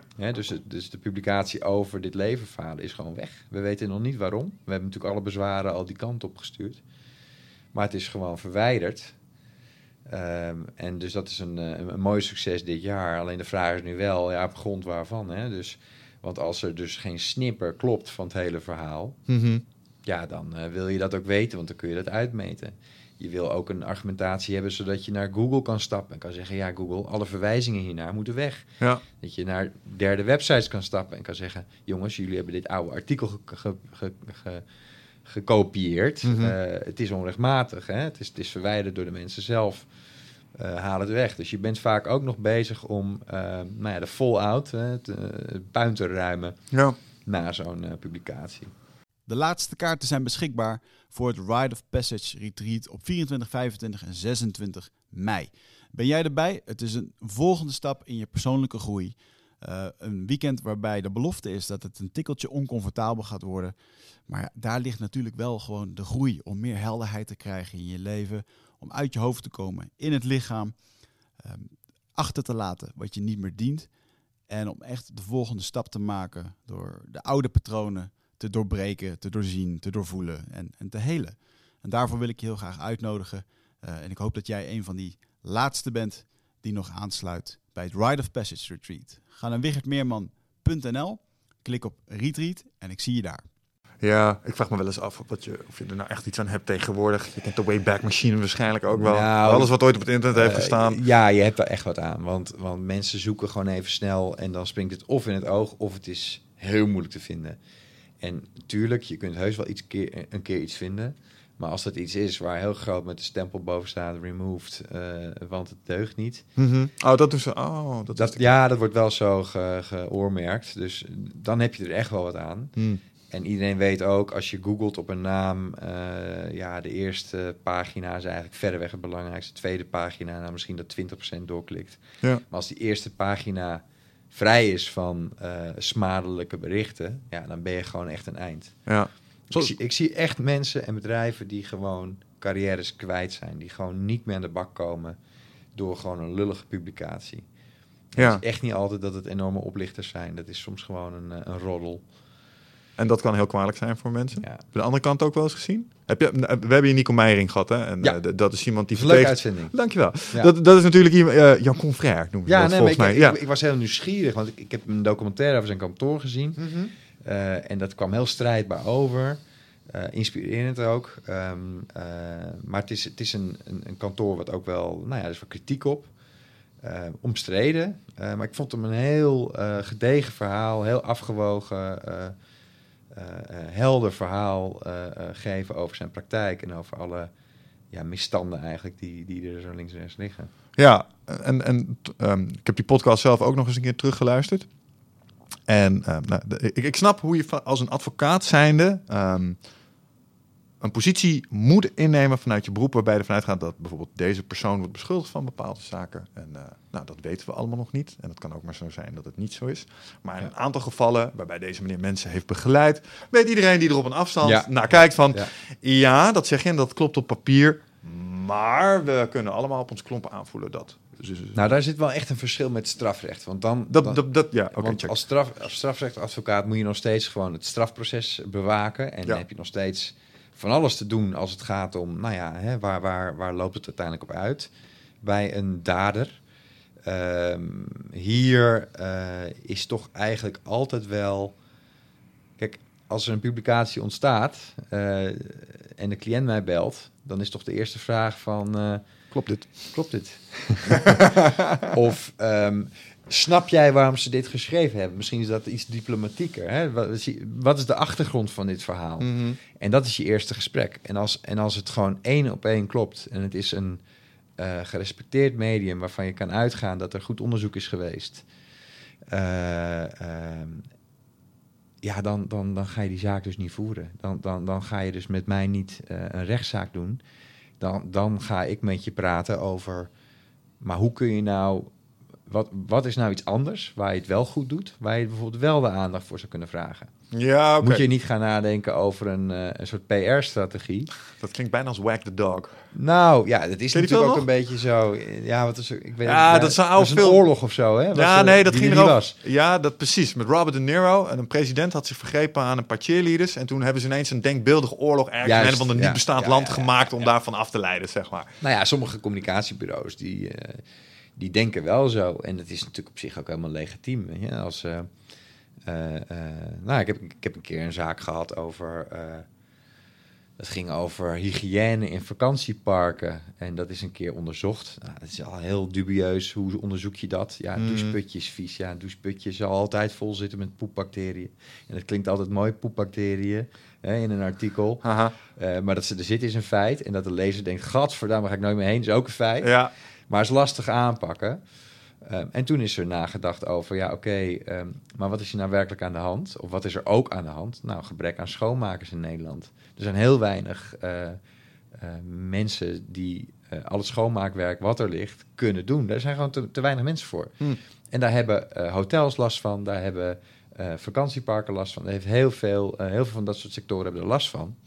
En dat is natuurlijk een, een, een bericht wat je kan brengen. Daar kun je, daar kun je natuurlijk aandacht op, op vestigen. Ja, maar als ik bij een bungalowpark was gekomen en het excrement zat al hoog tegen de muur aan in het meest extreme geval, dan Ja, heb ik daar even geen boodschap meer aan natuurlijk. Ja, dat snap maar je. goed, daar, daar was helemaal niet het geval. Nee. Maar eh, heb je wel eens eh, het gevoel gehad van dat je me...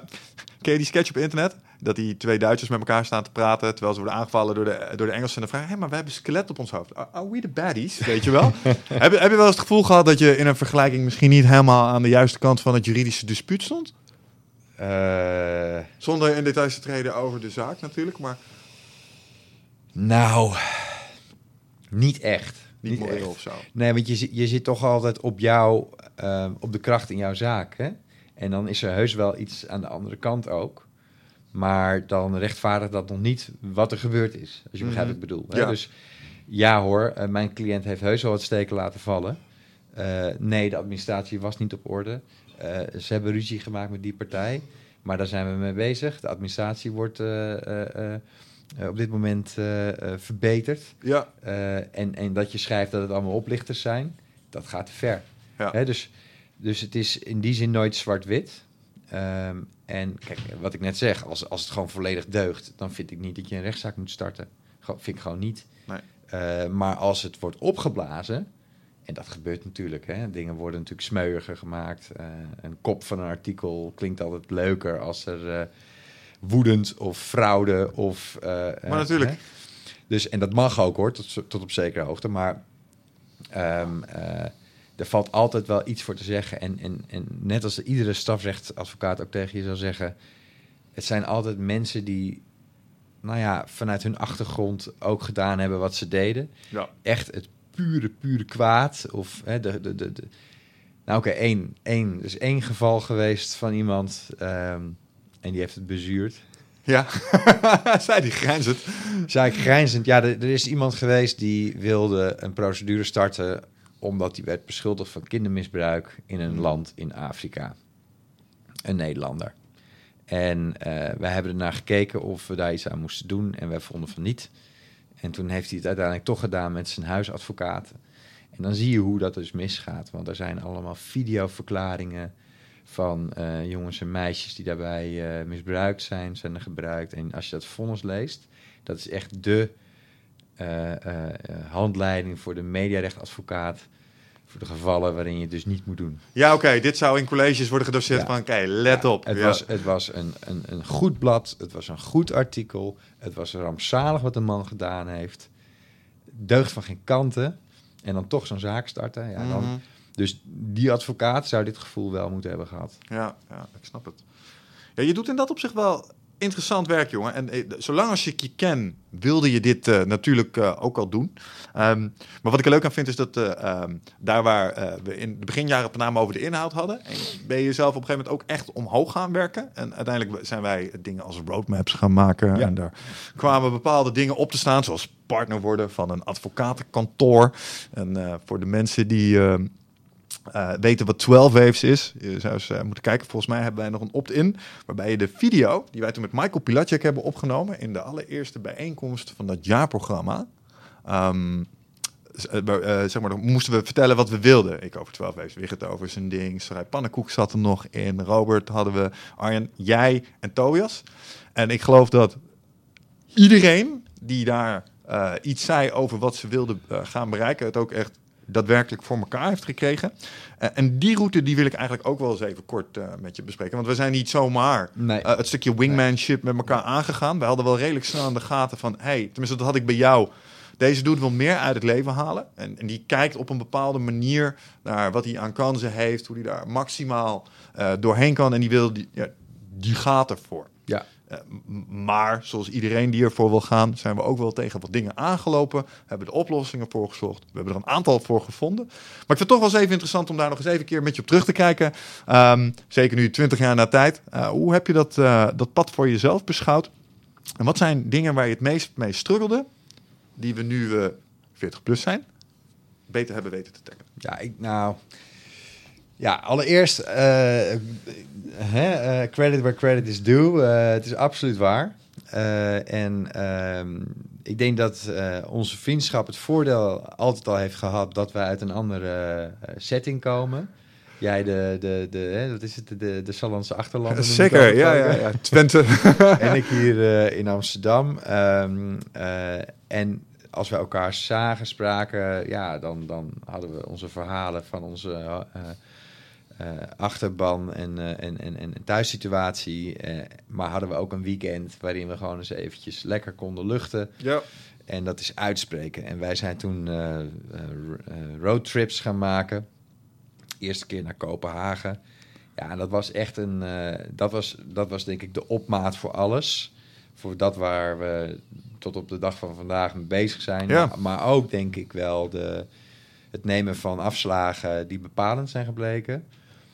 Eh, gewoon open, zonder voorbehouden, vertellen van waar ben je mee bezig. Dat. En ondertussen met een open dakkie eh, over de Steurenbelbrun, heet het Ja, ja, ja, ja. Een 20 kilometer lange brug in, eh, in eh, Denemarken rijden. Ja, dat doet iets. En, en wat gebeurt er dan eigenlijk? Nou, eigenlijk ben je aan het reflecteren. Je bent, je bent zaken voor jezelf aan het uitspreken naar een ander. Een ander stelt vanuit een totaal onbevangen rol kritische vragen. Van wat wil je nou eigenlijk? En ik werkte al op dit kantoor waar ik nog steeds, eh, waar ik nu partner ben. Maar Mm. het, het schept orde. Eh, het gaat ook verder dan alleen, eh, ja, wat, wat, wat wil je carrière technisch? Het gaat gewoon over het leven. En, en wat jij to- toen ook hebt gezegd, wat, wat nog altijd is blijven hangen, is ja, weet je Rem, jij, zou, jij zou als je straks 70 bent en uitkijkt over dat wat je hebt gedaan in het leven ehm, eh, en, en die, die film als het ware aan je langs ziet trekken, je zou er eigenlijk voor moeten zorgen dat die film een beetje het aangluren waard is. Mm. Ja. En dat je bij de aftiteling denkt, yes, dat is mooi, weet je wel. En ik was daar totaal niet mee bezig. Dus ik was helemaal niet bezig met dingen naar mijn hand zetten. Ik, ik deed gewoon wat ik deed. En ik was niet happy. En waarom precies, dat is lastig, eh, lastig ehm, eh, eh, precies te omschrijven. Maar ik denk dat het een stukje onmacht was. Mm. En een stukje, ja, niet weten hoe je dingen aanpakt. En je pakt het aan omdat je het aanpakt. En, maar welke gedachte erachter zit, ja, die, die, die is niet helemaal duidelijk. Maar het ging echt over eh, wat voor een leven leid je en, en hoe, hoe- wat- vind je er nou eigenlijk van tot nu toe. Dus daar, daar is, is denk ik de, de, de hele samenwerking, vriendschap, samenwerking begonnen en de vriendschap verdiept. Ja. En eh, ja, dat, dat, dat, dat heeft zich in een aantal eh, eh, volgende trips, heeft hè, die dialoog zich voortgezet. En ja, dan, dan, dan ben je ook in je, in je partnertraject op een gegeven moment. Hè, dat, dat geldt voor advocaten, die moeten op een gegeven moment nou ja, laten zien wat ze inmiddels bereikt hebben aan het management. En het management zegt dan op een gegeven moment, nou, je bent partnerwaardig. Mhm. Ja, dat is niet 1, 2, 3 gegeven. Je moet echt, om, om een succesvol advocaat-partner te worden, moet je gewoon een klantenbasis hebben. Mensen die gewoon jou bellen als ze een probleem hebben en bereid zijn om dat uurtarief ervoor op te hoesten. En dat is, daar gaat wel wat overtuiging aan vooraf. Hè? Mm. Dus, en daarnaast, ja, je moet binnenkomen bij een kantoor waar eigenlijk alles al verdeeld is. Hè? Dus de, de eigenaren van het kantoor, ja, die hebben met elkaar verdeling. En die eh, betalen de rest gewoon een salaris. Ehm, dus waarom zouden ze ophouden met jou dat leuke salaris betalen? Of, nou ja, laat ik zeggen, dat voordelige salaris betalen. En waarom zou je mogen meedelen in de poet? Ja. Eh, eh, kortom, eh, je hebt een plan nodig. En je moet allerlei soorten activiteiten ontplooien. Je moet jezelf neerzetten. Je moet met mensen in gesprek zien te raken. Je moet bij clubjes. Je moet presentaties doen. Je, moet, nou, je kunt van alles bedenken. Mm. Ehm, eh, je zult gewoon sales moeten doen. Eh, en ik vond eh, in samenwerking met jou ontzettend eh, waardevol de, de, de scherpte die jij bij mij wist aan te jagen. En gewoon het feit dat jij er was en bent. En dat, dat, dat is eigenlijk een heel, een heel mooi goed. Dat er iemand is die naar jouw gezeik wil luisteren. En het is niet je vriendin of Ja. vrouw. Want die is het op een gegeven moment ook wel zat. En heeft een bepaalde de- deformatie en een, een soort bias Ja, vanuit en die moet het natuurlijk. Ja, ook horen. Maar, maar ergens denk ik dat, dat een, een, zeg maar, ja, in zekere zin een buitenstaander die er alleen maar is voor die taak. En die ook jou weer daarvoor gebruikt. Hè, dus dat je met elkaar in dezelfde, in een soort van gelijkwaardige positie eh, eh, plannen deelt. Ik denk dat dat, eh, dat, dat echt eh, eh, heel goed kan werken. Ja, gelijkwaardig en gelijkgestemd, denk ik. Ja. Want als ik dat op die manier bekijk... en inderdaad, zeg maar, tot die roadtrips waren gewoon matties... En daarna zijn we, is er een, een soort professionele laag bovenop gekomen. Ik heb voor de grap eens gezegd, jij bent patiënt nul. Omdat die, dat stukje waar je het over hebt, zeg maar, ja, hoe ziet die film eruit? Joh, ehm, dat kwam rechtstreeks uit een motivational video die ik destijds had gezien van Ja, Joe. Rogan. Gewoon gejat. Ja. Voor de mensen die het nog niet weten, ik stel nog wel eens wat dingetjes. ik heb op mijn kaartje, ik kan het je laten zien, concept kleptomaan staan. Dus, eh, ja, ja. Nee, dat is waar. Dat heb ik wel eens gezien. nee, maar eh, waar het om ging was, en, maar ik heb ook wel het gevoel dat ik, dat ik daar met jou de bocht ben omgegaan. Op een gegeven moment had ik een gelijk gestemde. En ik zag in jou dat, het, dat, die, ehm, dat perspectief van de monomythe de helft van je eigen verhaal zijn. We, we, de- toen de tijd verwoorden we het nog met de vraag, wat zou Bruce Willis doen? Oh ja. En, en, Ja. en toen, weet je wel, omdat als, als je Bruce Willis is, zijn ze altijd het coole, vette ding doen. Wat zou, zo het- wat zou Bob doen, hè? wat zou Bob doen? Ja, nee, zeker. Ja. Daar kunnen we het zo nog wel even over hebben, ja, als het gaat om doorzetting. Shout-out aan Bob Schrijver. Ja, die man die heeft ons door vele moeilijke momenten Absoluut. heen gesleept. Ik heb het hem Nooit ook- bang. Nee, nooit bang. Ik heb het hem ook verteld. Het nu wel even kort toelichten. Ehm, als Remco en ik het eventjes niet meer zien zitten omdat het ons tot aan de lippen staat, dan is er iets heel voorspelbaars wat de wat, wat als, bijvoorbeeld als ik mij beklaag, oh, het is allemaal zo zwaar, kan ik eigenlijk eh 100% zeker voorspellen wat er gebeurt. Dan verschijnt er kort op een foto in mijn WhatsApp van Bob Schrijver met zijn handen zo in zijn, zijn typische Bob Schrijver houding.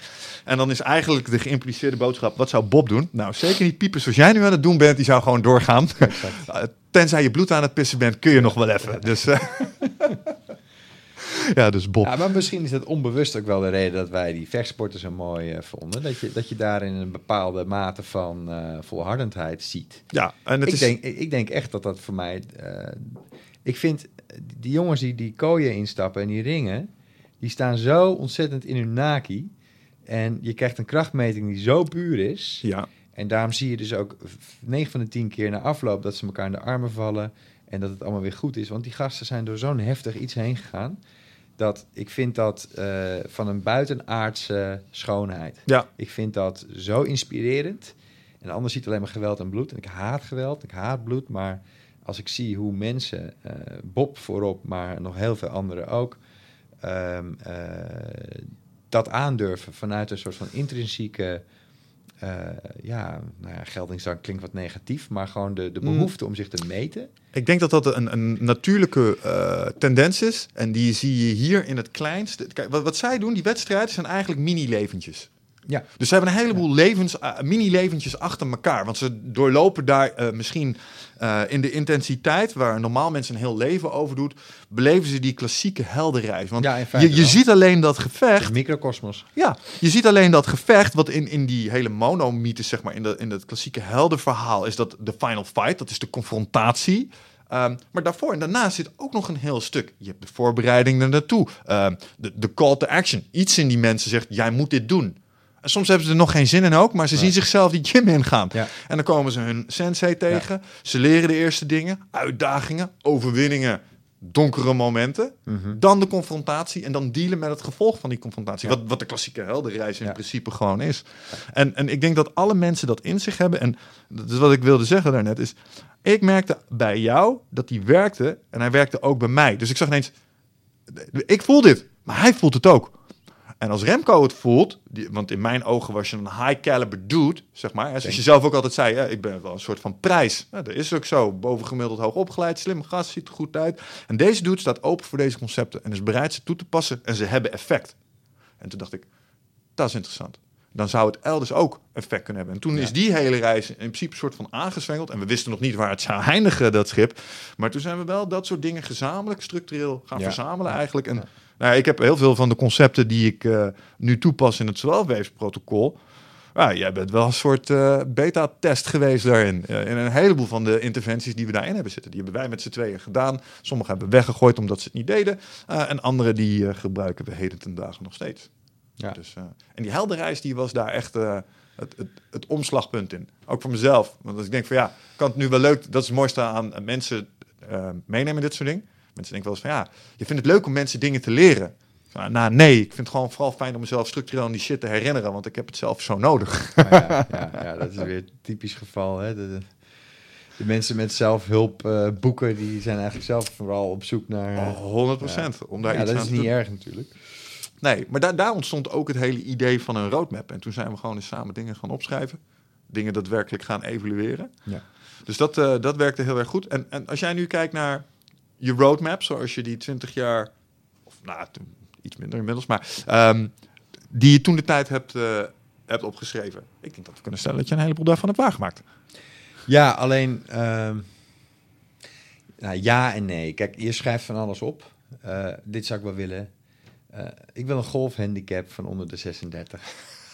Want ik vind boven de 36 tel je niet mee. Ik vind golf heel erg leuk. Ja, en dat is wel weinig... typisch advocaat, hè? Ik heb er weinig, ja precies. Dus ook, het is naar ook golf gegaan. Weer, ook nog weer handig. uh, het is altijd weer slaan. En, uh, maar, um, uh, dus dan schrijf je keurig op. In, nou, het seizoen begint in maart. Ik sta op 41, dus dan is het in april is het 40. In mm. mei is het 39 en zover. Maar ja, dat haal je gewoon niet. Nee. En het jaar daarvoor stond het er ook al op. Ik haal het niet. Want er moet gewoon tijd in zitten. Ik ben één punt gezakt in twee jaar tijd. Nou, dat is weinig. Ik sta op 40. Oké. Dus ik denk niet dat luisteraars uh, achterover zullen vallen. Dus de, zeker niet de luisteraars die weten hoe golf werkt. Nee. ik, ik vind het nog steeds knap klinken. Dus, uh. nou, het is geen 54. Dus er is wel wat gebeurd, maar het is niet heel erg noemenswaardig. En zo zijn er wel meer dingen. Ik wilde iedere, iedere maand uh, massage. Ik wil iedere maand floten. Nou, mm. Dat wil ik allemaal wel. Maar dat lukt niet. Alleen ik denk dan, is dat erg? Nee. Het gaat erom dat je een intentie hebt en dat je die eens een keer opschrijft. Dingen als uh, al mijn mailboxen leeg krijgen. Dingen als uh, alle foto's in mijn telefoon uh, eens een keer ordenen en zo. Ja, die staan erop, maar die zijn niet nog uitgevoerd in drie, vier jaar. Uh, waarom niet? Omdat ik ze niet gesliced en diced heb. Dat weet ik ook, Michel. Uh, want ik dat is jouw antwoord. Aan maak het kleiner, maak er dingetjes van. Maar je denkt dan, ja, dat doe ik niet. Waarom niet? Uh, dat zou dan de eerste taak zijn, slice en dicen. Maar waarom niet? Ja, het heeft gewoon niet genoeg prioriteit. Nee, dat snap ik.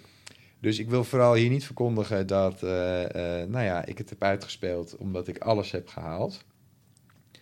Maar wat ik wel heb gedaan, is gewoon opgeschreven in een overzichtelijk format waar ik nou eigenlijk mee bezig ben. Mhm. En uh, wat ik nou eigenlijk, uh, ja, wat ik nou eigenlijk belangrijk vind. Dingen als uh, meer contact met familie, dingen als een weekendje weg met mijn broer, dingen als mijn dochter goed opvoeden. Ja, dat is misschien wat, wat, wat, wat meer algemeen, maar um, je moet het wel opschrijven, want je kijkt er iedere maand sowieso naar, mm. naar die lijst. En dan zie je het weer staan en denk je, wat doe ik nou eigenlijk? En uh, ik, ik wilde bijvoorbeeld met mijn moeder een keer uit eten, met z'n tweetjes. Nou, die gedachte had ik. Uh, dan schrijf je dus op een gegeven moment op, ik wil meer doen met mijn familie. Uh, dan lees je het weer. En denk je, oh ja, ik zou gaan eten met hen. Nodig gewoon eens uit. Mm -hmm. Oké, nou, we hebben dat twee weken geda geleden gedaan. Super, hartstikke leuk. Met z'n tweetjes, weet je wel, gewoon een avond. Dat soort dingen vergeet je, weet je wel. Mm -hmm. dus, dus het is een soort van brain dump van alles wat je wil. En dingen die zich makkelijker laten uh, kwantificeren, die kwantificeer ook makkelijker. Een handicap of de declarabele uren. Uh, dat soort dingen, uh, die, die kun je makkelijker per maand dan toeschrijven. En dan zit je dus heel erg op de getallen. Ja.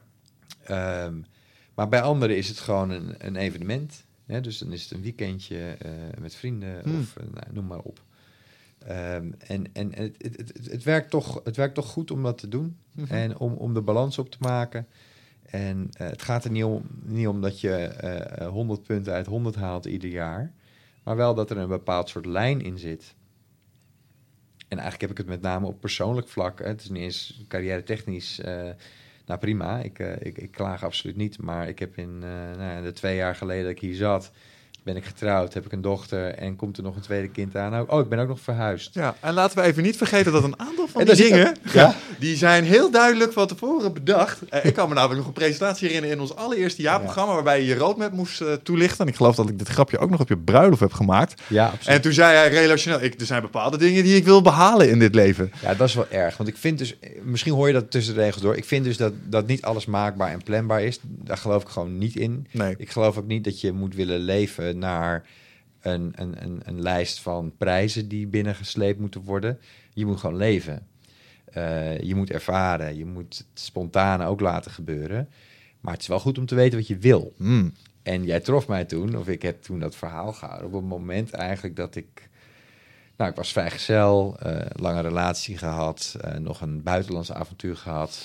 Natuurlijk teleurgesteld omdat dat ja, toch uiteindelijk niet werkte. Eh, ja, nou, dat, dat hebben meerdere mensen natuurlijk ook wel gezegd toen, maar goed. Ja, en dan is het van, wat moet ik nou eigenlijk met het gegeven vrouwen? Mhm. Wat, wat, wat gaan die betekenen nog in mijn leven? En toen dacht ik, nou, ik ga eigenlijk alleen nog maar voor de aller, allerbovenste plank. Dus dat heb ik ook letterlijk zo opgeschreven. En De tien. jij, bent, eh, jij bent iemand die ook altijd graag dingen in het Engels eh, omschrijft. En soms tot irritatie ook voor mij wel. Maar ik had hiervan gemaakt, top shelf vrouw recruiten. Nou, dat is wel heel erg om dat zo op te schrijven. Ja, vind je? Dat, en dat is natuurlijk tijdens eh, mijn huwelijk ook mooi, eh, mooi Ja, uitgespeeld. de ceremonie wel een paar keer benoemd, ja. Eh, maar het was wel zo. Ik Dat dacht, is toch ook een compliment voor haar? Hoezo Ja, is dat zo is is- slecht? ja, Nee, ik, is ik voel dat helemaal niet zo. waar is het top? Maar het is, het is zo pragmatisch opgeschreven. Ja. Zo, maar wel helemaal daarom perfect binnen jouw systeem. Eh, maar ik heb dat toen ook gezegd. Volgens mij heb ik zelfs gezegd dat ik een baarmoeder zocht of zo. Dat is waar ik op uit was, ja. ja. Ehm, eh, eh, en dat was een tweede, want ik wilde, ik wilde wel een kind uiteindelijk. Dus Sure. ik, ik had twee dingen. Ik wilde eigenlijk gewoon niet meer... Hè, ik wilde gewoon alleen maar een vrouw serieus in een relatie hebben... als het bovenste plank was. En ik wilde wel voortplanten. Dus eh, ik dacht zelfs, nou, als, als die vrouw, want ik, nou ja, als die niet te vinden is, dan, dan misschien wel voortplanten en dan maar misschien kijken hoe dat dan eh, eh, relationeel valt in te kleden. Wat modern van je. Ja, misschien moet jij daar zo wat meer over vertellen hoe je dat zo- zou, zou kunnen doen. Maar Ja. daar stond ik op dat moment. En project 1 heeft eigenlijk tot project 2 geleid. Maar project 1 was, is inderdaad wel heel grondig aangepakt. Ja, zeker. Ja. Op een gegeven moment was het 10 in beeld. En eh, ja, dat Toen zijn we ervoor gegaan. zijn we ervoor gegaan. Ja. Ja. Ja, Veel overleg over gehad, ja. Veel overleg over gehad. Ja, nou, gelukkig weet ze alles. Dus, Ja. eh, Nee, dat is denk ik Ja. wel een van de leukste dingen. Dat je dat gewoon zo open met haar hebt kunnen bespreken. Hoe Ja. dat traject er aan de voorkant uit heeft gezien.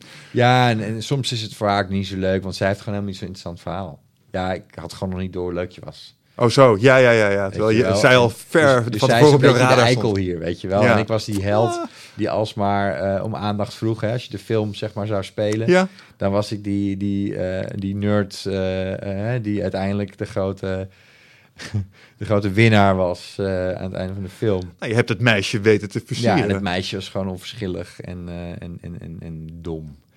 Nou ja, nee, natuurlijk niet. Maar dat is wel een beetje hoe je het, hoe je het zou kunnen overbrengen. Maar Ja, ik snap wat je zegt. Ja, het is in dat opzicht altijd wel een, eh, een thema geweest. Eh, het is zeker een thema geweest. als je kijkt naar hoe wij onze eh, relatie zouden kunnen schrijven, dan hebben we het eh, eh, over het leven, maar we hebben het ook heel veel over relaties.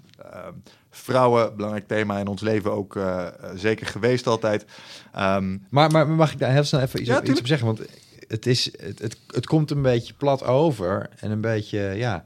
Maar ik vind dus de persoon met wie jij bent, is misschien is, is eigenlijk het allerbelangrijkste. De belangrijkste keuze die je in je leven maakt, Mhm. denk ik. Jazeker. Nog belangrijker of je een kind hebt, nog wel belangrijker waar je gaat werken, waar je gaat wonen, wat dan ook. Met wie ga jij de kamer in, hè? Mhm, mhm. Eh, eh, het huis in, met wie, met wie, wie laat je in je leven toe? Dus daar mag je best wel eens wat langer over nadenken dan alleen maar 15 shots tequila. Het was donker, het was gezellig en daar stond ze. Snap je? Dus meeste business coaches, eh, trainingen trekken, dan hebben ze het altijd over de perfecte klant. Daar mag je over nadenken voor jezelf als Nou ja, onderneming. ja, en ik denk dat dat als mens ook gewoon mag. Ja, ja. Ehm, niet in de laatste plaats. eh, en, en die, de team waar we het over hadden, kwam natuurlijk voort uit inzichten die we hadden opgedaan uit onze reflecties, bijvoorbeeld op vorige relaties die het niet hadden gehaald. Wat ging er dan mis? Nou, natuurlijk ga je naar jezelf kijken. Maar je kunt ook nadenken, oké, maar ik had nu te maken met zo'n persoon. Wat zouden we de volgende keer graag terugzien eh, waar we nu tegenaan zijn gelopen. Dus ik Ja. denk helemaal niet Ja. dat, dat, dat dat erg is. En ik denk Nee. dat sommige mensen het zichzelf ook veel te moeilijk maken door te denken dat de eerste relatie meteen 100% eh, eh, moet kloppen. Als ik mensen als Jan Geurts, die we hier hebben gesproken, dan zit het misschien ook wel iets meer in de menselijke aard om daar een paar.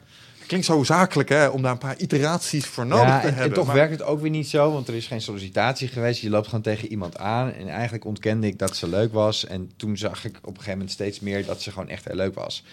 Dus, ehm, eh, maar ja, waarom zag ik dat? Omdat ik wist wat ik wilde. Hè? Dus, dus dat is dan Eh, misschien ook wel... Niet in de laatste plaats, omdat je op dat moment vrijgezel was. En, en ze, ik bedoel, je komt ook andere mensen tegen.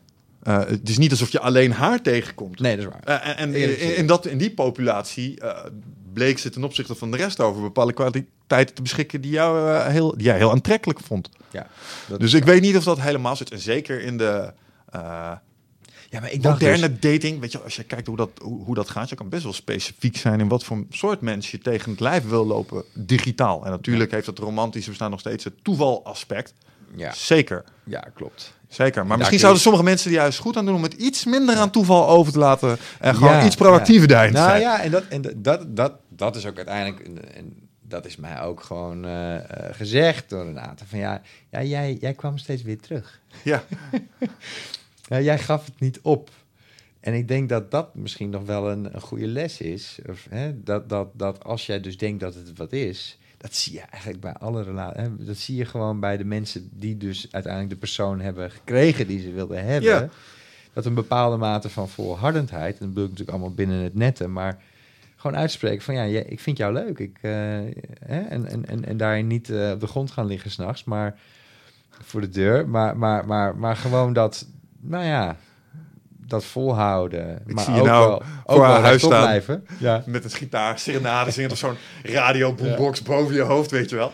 Nee, maar, maar, maar je gewoon eens uitspreken. Want de mensen zijn ook vaak te trots. Hè? Dat heb ik ook gehad hoor. Ik, ik, ik, had ook altijd zoiets van, nou ja, ik geef me niet te snel. Of, eh, maar, maar als je het dan wel ziet, zeg het dan ook gewoon. Ja, sure. Ja, en al loop je het risico op een afwijzing, dan heb je het in ieder geval geprobeerd. Iedereen wordt zijn hele leven afgewezen. Ja, En dat is natuurlijk als je, als je jong bent op de, op de lagere school, op de middelbare school, en je bent verliefd op een meisje, ja, dan ben je natuurlijk ontzettend bang dat de hele klas naar je wijst en eh, zij in het bijzonder. En misschien is dat nog te vroeg en is dat dan nog te lastig, maar ja, ik denk dat je er gewoon, je moet er gewoon voor uitkomen. En je voelt het ook wel. Waved Superior Man zegt, als jij als man eh vrouw aantrekkelijk vindt en jij weet dat dat niet wederzijds is, stop pursuing. Ja. Dat is gewoon het sterkste wat je kan doen. Ja. Maar in het hele datingproces hoort natuurlijk ook wel een klein beetje het hard to get spelen. En twee nee's en een ja is nog steeds een ja. Snap je? Verkopen begint ook een beetje bij nee. Ik bedoel, als Mhm. Je direct klopt. ja zegt, dan is het misschien ook wel snel weer bekeken Ja, daarna. dat is een dunne lijn natuurlijk, maar wij werden vrienden. Hè? Dus, Ja. dus het is niet zo van eh, eikel eh, wegwezen jij, weet je wel. Nee, Nee. Dan, moet je, dan moet je op een gegeven moment wel ophouden. Maar, maar het was meer van, ja, we kenden elkaar van een, eh, van een club en daar zag je elkaar dus met regelmaat. En nou ja, eh, ik, ik bleef wel gewoon met haar praten en eh, nou, er werd ook teruggesproken. Ik denk, nou oké. Wat ja, vaak een goed teken is, by the way. teken. Ja. En, eh, we gingen samen een bestuur doen en we gingen afspreken. Zullen we anders samen nog even wat drinken? Nou, voor mij heel verwarrend, want ik dacht steeds van, eh, oké. Je geeft gemengde signalen af, Pret. Maar toch was het van, eh, laten we vooral vrienden blijven. Wat, wat natuurlijk ook mag, maar frustrerend was. Ja. Eh, maar, eh, hè, dus het was niet een harde nee. En voor mij was het steeds een soort van, ja, maar ik, is trouwens een heel leuk. hele goede indicatie, denk ik, of een dude deugt of niet. En dat, eh, wat ik zo zie van het datingbestaan momenteel. Als ze een nee krijgen en ze blijven daarna sympathiek. Snap je? Dat is Ja. e- echt nee. Oh, nou, laat maar klote hoer, dit en dat, en zo. Zo van, Ja. het is meteen afgedaan. En, het, en ik denk dat je eh, als vrouw echt een boel kunt leren over een dude als hij daarna gewoon chill blijft. Zegt, ah, dan drinken we toch nog een keer een kopje koffie of zo. Who cares? En dan uh, behouden contact en we zien het wel. Uh, maar als die afwijzing meteen uh, met gif tegemoet wordt getreden, Ja, je dodge is- bullet. Dat is ook het lastige, want sommige mensen gooien gewoon een hele ego dan op tafel. En eh, ja, nee is, eh, is een, eh, voelt als een, eh hè, een hongerknuppel op het ego. Ja, Eh, terwijl, jongens, het is gewoon een spelletje. Hè? Het, het zijn mensen, we zijn mensen die elkaar leren kennen. En de een eh, wil de een en de ander wil de ander. En, of niet, of wel. En ehm, ja, dat, dat is gewoon een soort van uitzoeken. Hè? Dus dat is een, een soort van selectieproces. Wat ook heel erg leuk en gezellig kan zijn. Het is wel grappig dat je dat zegt, dat het een, een spelletje is. Want ik, ik denk dat als je dat aan de gemiddelde Nederlander zou vragen, dat ze daar misschien iets anders naar kijken. En misschien hebben jij en ik daar vanuit het verleden ook nog wel een eh, milde vakdeformatie. Vakdeformatie, omdat we het bijna ambachtelijk destijds hebben aangepakt. Een van de eerste links die jij en ik met elkaar hebben gedeeld op het internet, dat kun je je misschien nog herinneren, was The Guide. Oh ja, oh god ja. ja. Wat- was dat ook alweer?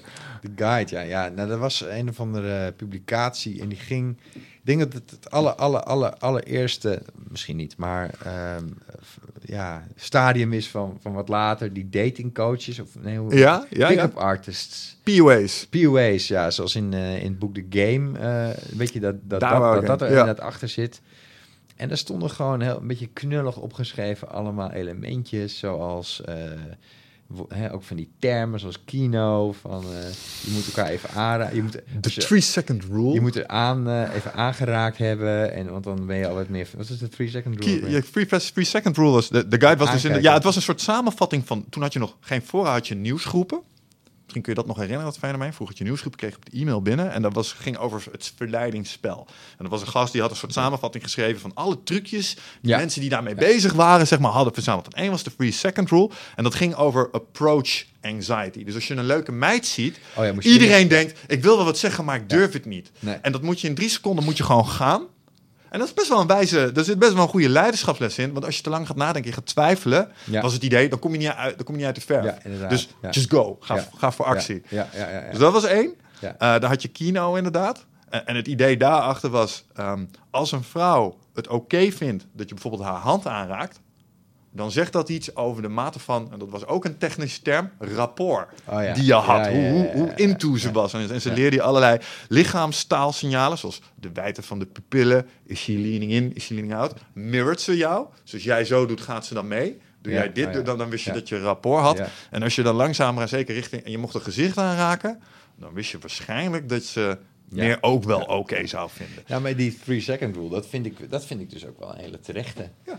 Want hoe langer jij wijfelt, eh, ja, een vrouw denkt dan, hij, hij wil het niet. Ja. En één, voel ik me dan dus niet helemaal gevleid, zoals ik zou willen. En twee, vind ik het ook geen sterke man. Ja. En dat, dat, dat is dan ook wel wat je, nou ja, dat heb ik in de praktijk ook wel gezien. Dat zeg maar de bold move. Dus het gewoon wel, nou ja, wel gewoon eh, op iemand afstappen. Wel iemand eh, zoenen als je uit Sure. gaat.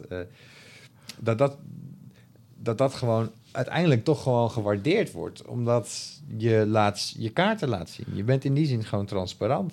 Ik denk dat dat ook zo is. Uh, fortune favors the brave. Maar in deze tijd van eh, consent, me too. Er zijn Ja, apps hè, waar je gewoon even met z'n twee kan aangeven. Ja, we, gaan vandaag, eh, we gaan tot oraal, niet anaal. En eh, hier allebei. En ik ben nog steeds kwaad al die kerels fuck? die dit dus veroorzaakt hebben. Want Ja. er zijn een aantal idioten die dit zo hebben verpest. Eh, eh, want ja, die voorbehouden die zijn nodig. En die vind ik net zo belangrijk. Alleen, ehm, het is gewoon zo. En dat realiseer je denk ik niet als je 16 bent. Maar dat meiden die met elkaar afspreken en s'avonds op stap gaan en zich mooi maken, die maken zich niet alleen mooi voor elkaar. Die maken zich ook mooi omdat ze willen opvallen. Mhm. Omdat ze willen worden aangekeken. Omdat ze willen worden aangesproken. Ja, als man denkt, ik spreek maar vooral geen vrouw aan, want die zal wel denken, wat moet die eikel van mij? Mhm. Dus daar zit een ontzettend onbegrip tussen man en vrouw. En als je je daarvan bewust bent, dan kun je daar ontzettend eh, eh, eh, ja, je Ja. mee onderscheiden. Oh, dat, dat zag je zo mooi terug in. ehm, als je, als je die, de, de guide, als die nog terug te vinden is en je leest hem. Het is denk ik ook wel een van de meest seksistische stukken die in dat op zich is Dat- geschreven. Ja, het dat is schiet heel manipulatief. Ja, nou, een van de dingen die je doet om, dat, om, om die ervaren, dat ervaren verschil waar jij het zojuist over hebt. Ik ben als man en ik kom nu naar een hele mooie dame toe en ik kom een vanuit dit. Weet je nog? Wat, Ja. was, wat was mijn favoriet ook alweer? De nek. Oh ja, ja, de neck hit. Dan, kun je iets lulligs zeggen. En, en dan Ja. is het idee dat je er een beetje onzeker maakt, zodat ze iets meer. Ja. Ja, daar geloof ik dus helemaal niks van. Nee, nou, het is wel leuk om gevat uit de hoek te komen met een beetje scherpte. Ik denk, maar dat is met name je humor die je etaleert, denk ik. Als je dat op de juiste manier doet. Want als je het verkeerd doet, ben je gewoon een ongelofelijke eikel. Weet je wel, zoiets als van... ehm, Ja, leuke outfit, maar jammer van de schoenen, weet je wel. D- dat zou een typische nek zijn om een meisje van... Of als je ben je uitgeschoten met de make-up vanochtend? Het zijn van die lullige kutopmerkingen waarvan je Ja, weet... dat Het is niet bedoeld mijn om... stijl. Maar Nee, misschien dat bij bepaalde mannen werkt. Maar ik geloof dan niet dat je in een gezonde verhouding komt tot iemand. dat denk ik ook niet. Het, heeft allemaal, het, is, het is een enorm mentaal spel. Hoe pak je dat dus aan? Ofwel, je voelt je gewoon sterk van jezelf. Hè? Wat je net zegt, eh, ik ben de prijs. Dat was altijd mijn... mijn eh, Die heb ik overgenomen. eh, Jazeker, ja. ik ja. vond gewoon, met mij is niks mis. Sterk, ik ben best wel een leuke gast, weet je wel. Als ik bij je pas. Of in het algemeen eigenlijk. En dan zien we daarna wel of je bij me past. Er is op mij niet zo vreselijk veel tegen. Zo'n gevoel. Dus er is geen enkele reden om angstig, onzeker of terughoudend te zijn Ja, in contact. Dus als je vanuit die eh, predispositie een gesprek ingaat, sta je er veel sterker in, of we gebruiken een veel sterker middel, dan dat je dat eh eh mindgamepje eh, zeg maar in een negatieve zin gebruikt en zegt, hé, maar jij ziet er niet uit, want jouw oogschaduw zit verkeerd. Dan maak je de ander kleiner Maar om zelf groter te En maken. waarom doe je dat? Omdat je je bedreigd voelt. Dat is de enige reden Ja, waarom je zo'n techniek zou toepassen om jezelf weer naar boven te trekken. Omdat je het niet uit jezelf kunt trekken om, eh, om eh, ja, exact. Ja, grappig. exact. En, en dat is wel een, een, een- kentering ook binnen die stroming. Hoor. Want als je de game destijds van eh, Niels Strauss... ehm, Oh, ja, ja. ja, fok- dat- dat- maar dat was op zich wel... Als je het boek niet kent, het gaat over een investigative reporter. Niels Strauss, schrijver voor de Rolling Stone. Is een paar jaar embedded geweest volgens mij. Zelfs met de Rolling Stones is hij op tour geweest. In ieder geval een aantal bands heeft hij echt super lang gevolgd. En toen op een gegeven moment is hij deze scene ingesprongen. Ja. Daar heeft hij een boekje over geschreven, de game. Ja, volgens mij was het de bedoeling dat er een artikel over zou Hij komen. wou het eigenlijk, hij wou het eigenlijk ontkrachten. Voor, voor Time Magazine of iets dergelijks. Ja. Ging hij een artikel schrijven en toen is hij er helemaal ingerold. En hij vond het leuk. Ja, ook daar moet je twee derde wegschrappen, omdat het of heel Amerikaans is. Bijvoorbeeld, Sure. ja, je moet met kettingen om gaan lopen, en, eh, want dat is interessant. En eh, je moet zo'n ketting dan aan een vrouw geven. want dan- method was dat. Ja, dat. Of je Ja. moet goocheltrucs kunnen. En eh, nou ja, het is allemaal leuk hoor. Maar het, ik geloof, ik, ik denk, ja, als je, als je een beetje in Nederland of, of misschien wat hoger opgeleide mensen eh, eh, zoekt, ja, dan, ga je dat, dan gaat dat niet werken. Dan kom je over als een clown. Ja. Het hoeft allemaal niet zo. Nee. Maar er zitten wel leuke dingen in. Nou, wat, ik wat het grappigst vond eigenlijk was dat die, ze gaan dan zo'n huis oprichten met elkaar. En dan is het idee dat daar dan allemaal vrouwen naartoe komen. mansion. Maar wat er eigenlijk alleen maar naartoe kwam, was mannen die bij hem in de leer wilden.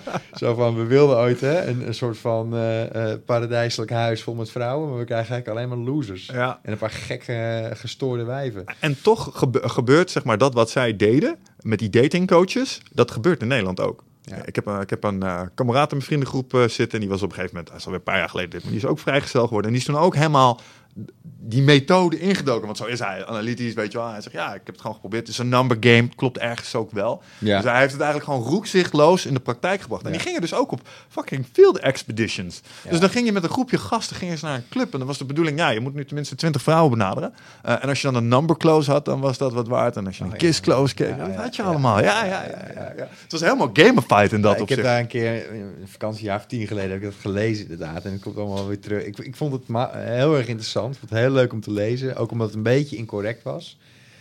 Ehm, maar, maar ja, nou ja, nou, ja, ja goed. Kijk, ehm, er, er, zijn, er zijn wel bepaalde wetmatigheden en die zijn leuk. En wat ik, wat ik leuk vond ook om te merken is dat er eigenlijk een parallel te trekken valt naar het hele leven. Mhm. Ehm, eh, want ik denk dat eh, verleiden eigenlijk overal gebeurt. Als, als baby moet je je ouders al zien te verleiden om wat te eten te krijgen, bij wijze Ja, ja, van. ja. Hè? En als advocaat moet je eh, eh, een rechter verleiden om ervoor te zorgen dat je standpunt eh, prettig overkomt. Klanten verleiden. Of je moet je klant weten te verleiden dat hij met je in zee wil. En als je klant iemand is die heel erg op cijfers zit, of hè, de, hij is de controller van het bedrijf, dat is degene met wie het moet doen, dan moet je vooral ook bij zo iemand met cijfers komen. Mm. Moet je vooral niet met een heel glad verhaal op de achterkant van een eh, sigarenkistje aankomen zetten. Nee, dat moet je weer doen bij die hele jolige manager. Hè, dus dat spel van, van verleiden gaat veel verder dan alleen maar eh, vrouwen in bed krijgen. Mhm. Dat, dat, dat vindt gewoon overal plaats. Ja, Robert Greene heeft natuurlijk een mooi boek over geschreven. Heb jij me destijds... ja, eh, Art of Seduction. Ja. Art of Seduction, ja. Die, die. Ja, ja nou, maar die betrekt dit hele spel iets meer ook op de zakelijke context. En. Wat hij gewoon heel terecht omschrijft is dat je verschillende profielen, op verschillende types, moet je op een verschillende manier eh, eh, benaderen. Ja. Maar mijn favoriet die me altijd is bijgebleven is de coquette. dat is een bepaald type. Dat is een lastige vraag. Dat, is dat, is- dat zijn lastige mensen om mee te dealen in dat opzicht. Die zijn Ja. warm-koud. Ja, warm koud, ja. Ineens koude schouder. Ja. Die- Maar wel herkenbaar. Dat vond ik het leuke aan dat boek. Is dat, en, en dat heb je ook in de sales wel. eh, dat je denkt dat je een hartstikke leuke lead hebt. Gaat goed. Je denkt, we gaan het doen. Je mag je offerte uitbrengen. En ineens is drie weken stil. Ja. En dan denk je, wat de fuck is dit? En dan probeer je contact te krijgen en dan hoor je niks. En ineens komen ze na vier weken komen ze. Hé, hey, we zijn helemaal enthousiast. Dit en dat. Denk, ik, oh, dit is helemaal te gek. En we gaan het inplannen. Hè? Pap. En ineens zijn ze weer drie weken stil. Ja. En Waar blijft die datum nou? Weet je wel? Dus je wordt er onzeker van. En dan is het juist. En dat boek geeft je dan een bepaalde richtlijn mee hoe je het beste met dat Ja, het is, het is super interessant om, om, om eigenlijk de vraag te stellen van wat ben ik nou voor type en wat ben ik nou voor verleiderstype ook. Hè? Mhm. wat, is nou mijn, wat is nou mijn kracht? Eh, weet ik helemaal uit te rekenen hoe eh, eh, een proces gaat lopen, wat iemand kan verwachten? Nou, geweldig. Maar dan moet je vooral bij dat soort mensen dat inzetten. Heb je iemand tegenover je die gewoon wil dat er, dat er plezier, energie, creativiteit in het verhaal zit, ja, dan moet je vooral niet met die droge cijfers komen. Dan moet je gewoon zeggen van wat jij in je team allemaal gaan betekenen voor ze. Mhm. En gewoon een soort van missie, visie neerleggen. Dus eh, ja, wie je nou eigenlijk zelf bent. En ik, ik ben wat meer eh, zo'n zo, zo, zo, wat meer energieke, eh, creatieve enthousiasteling, denk ik. Dus als ik dat op mezelf toepas, dan waak ik altijd erg voor de hele cij- cijfermatige types. Ja.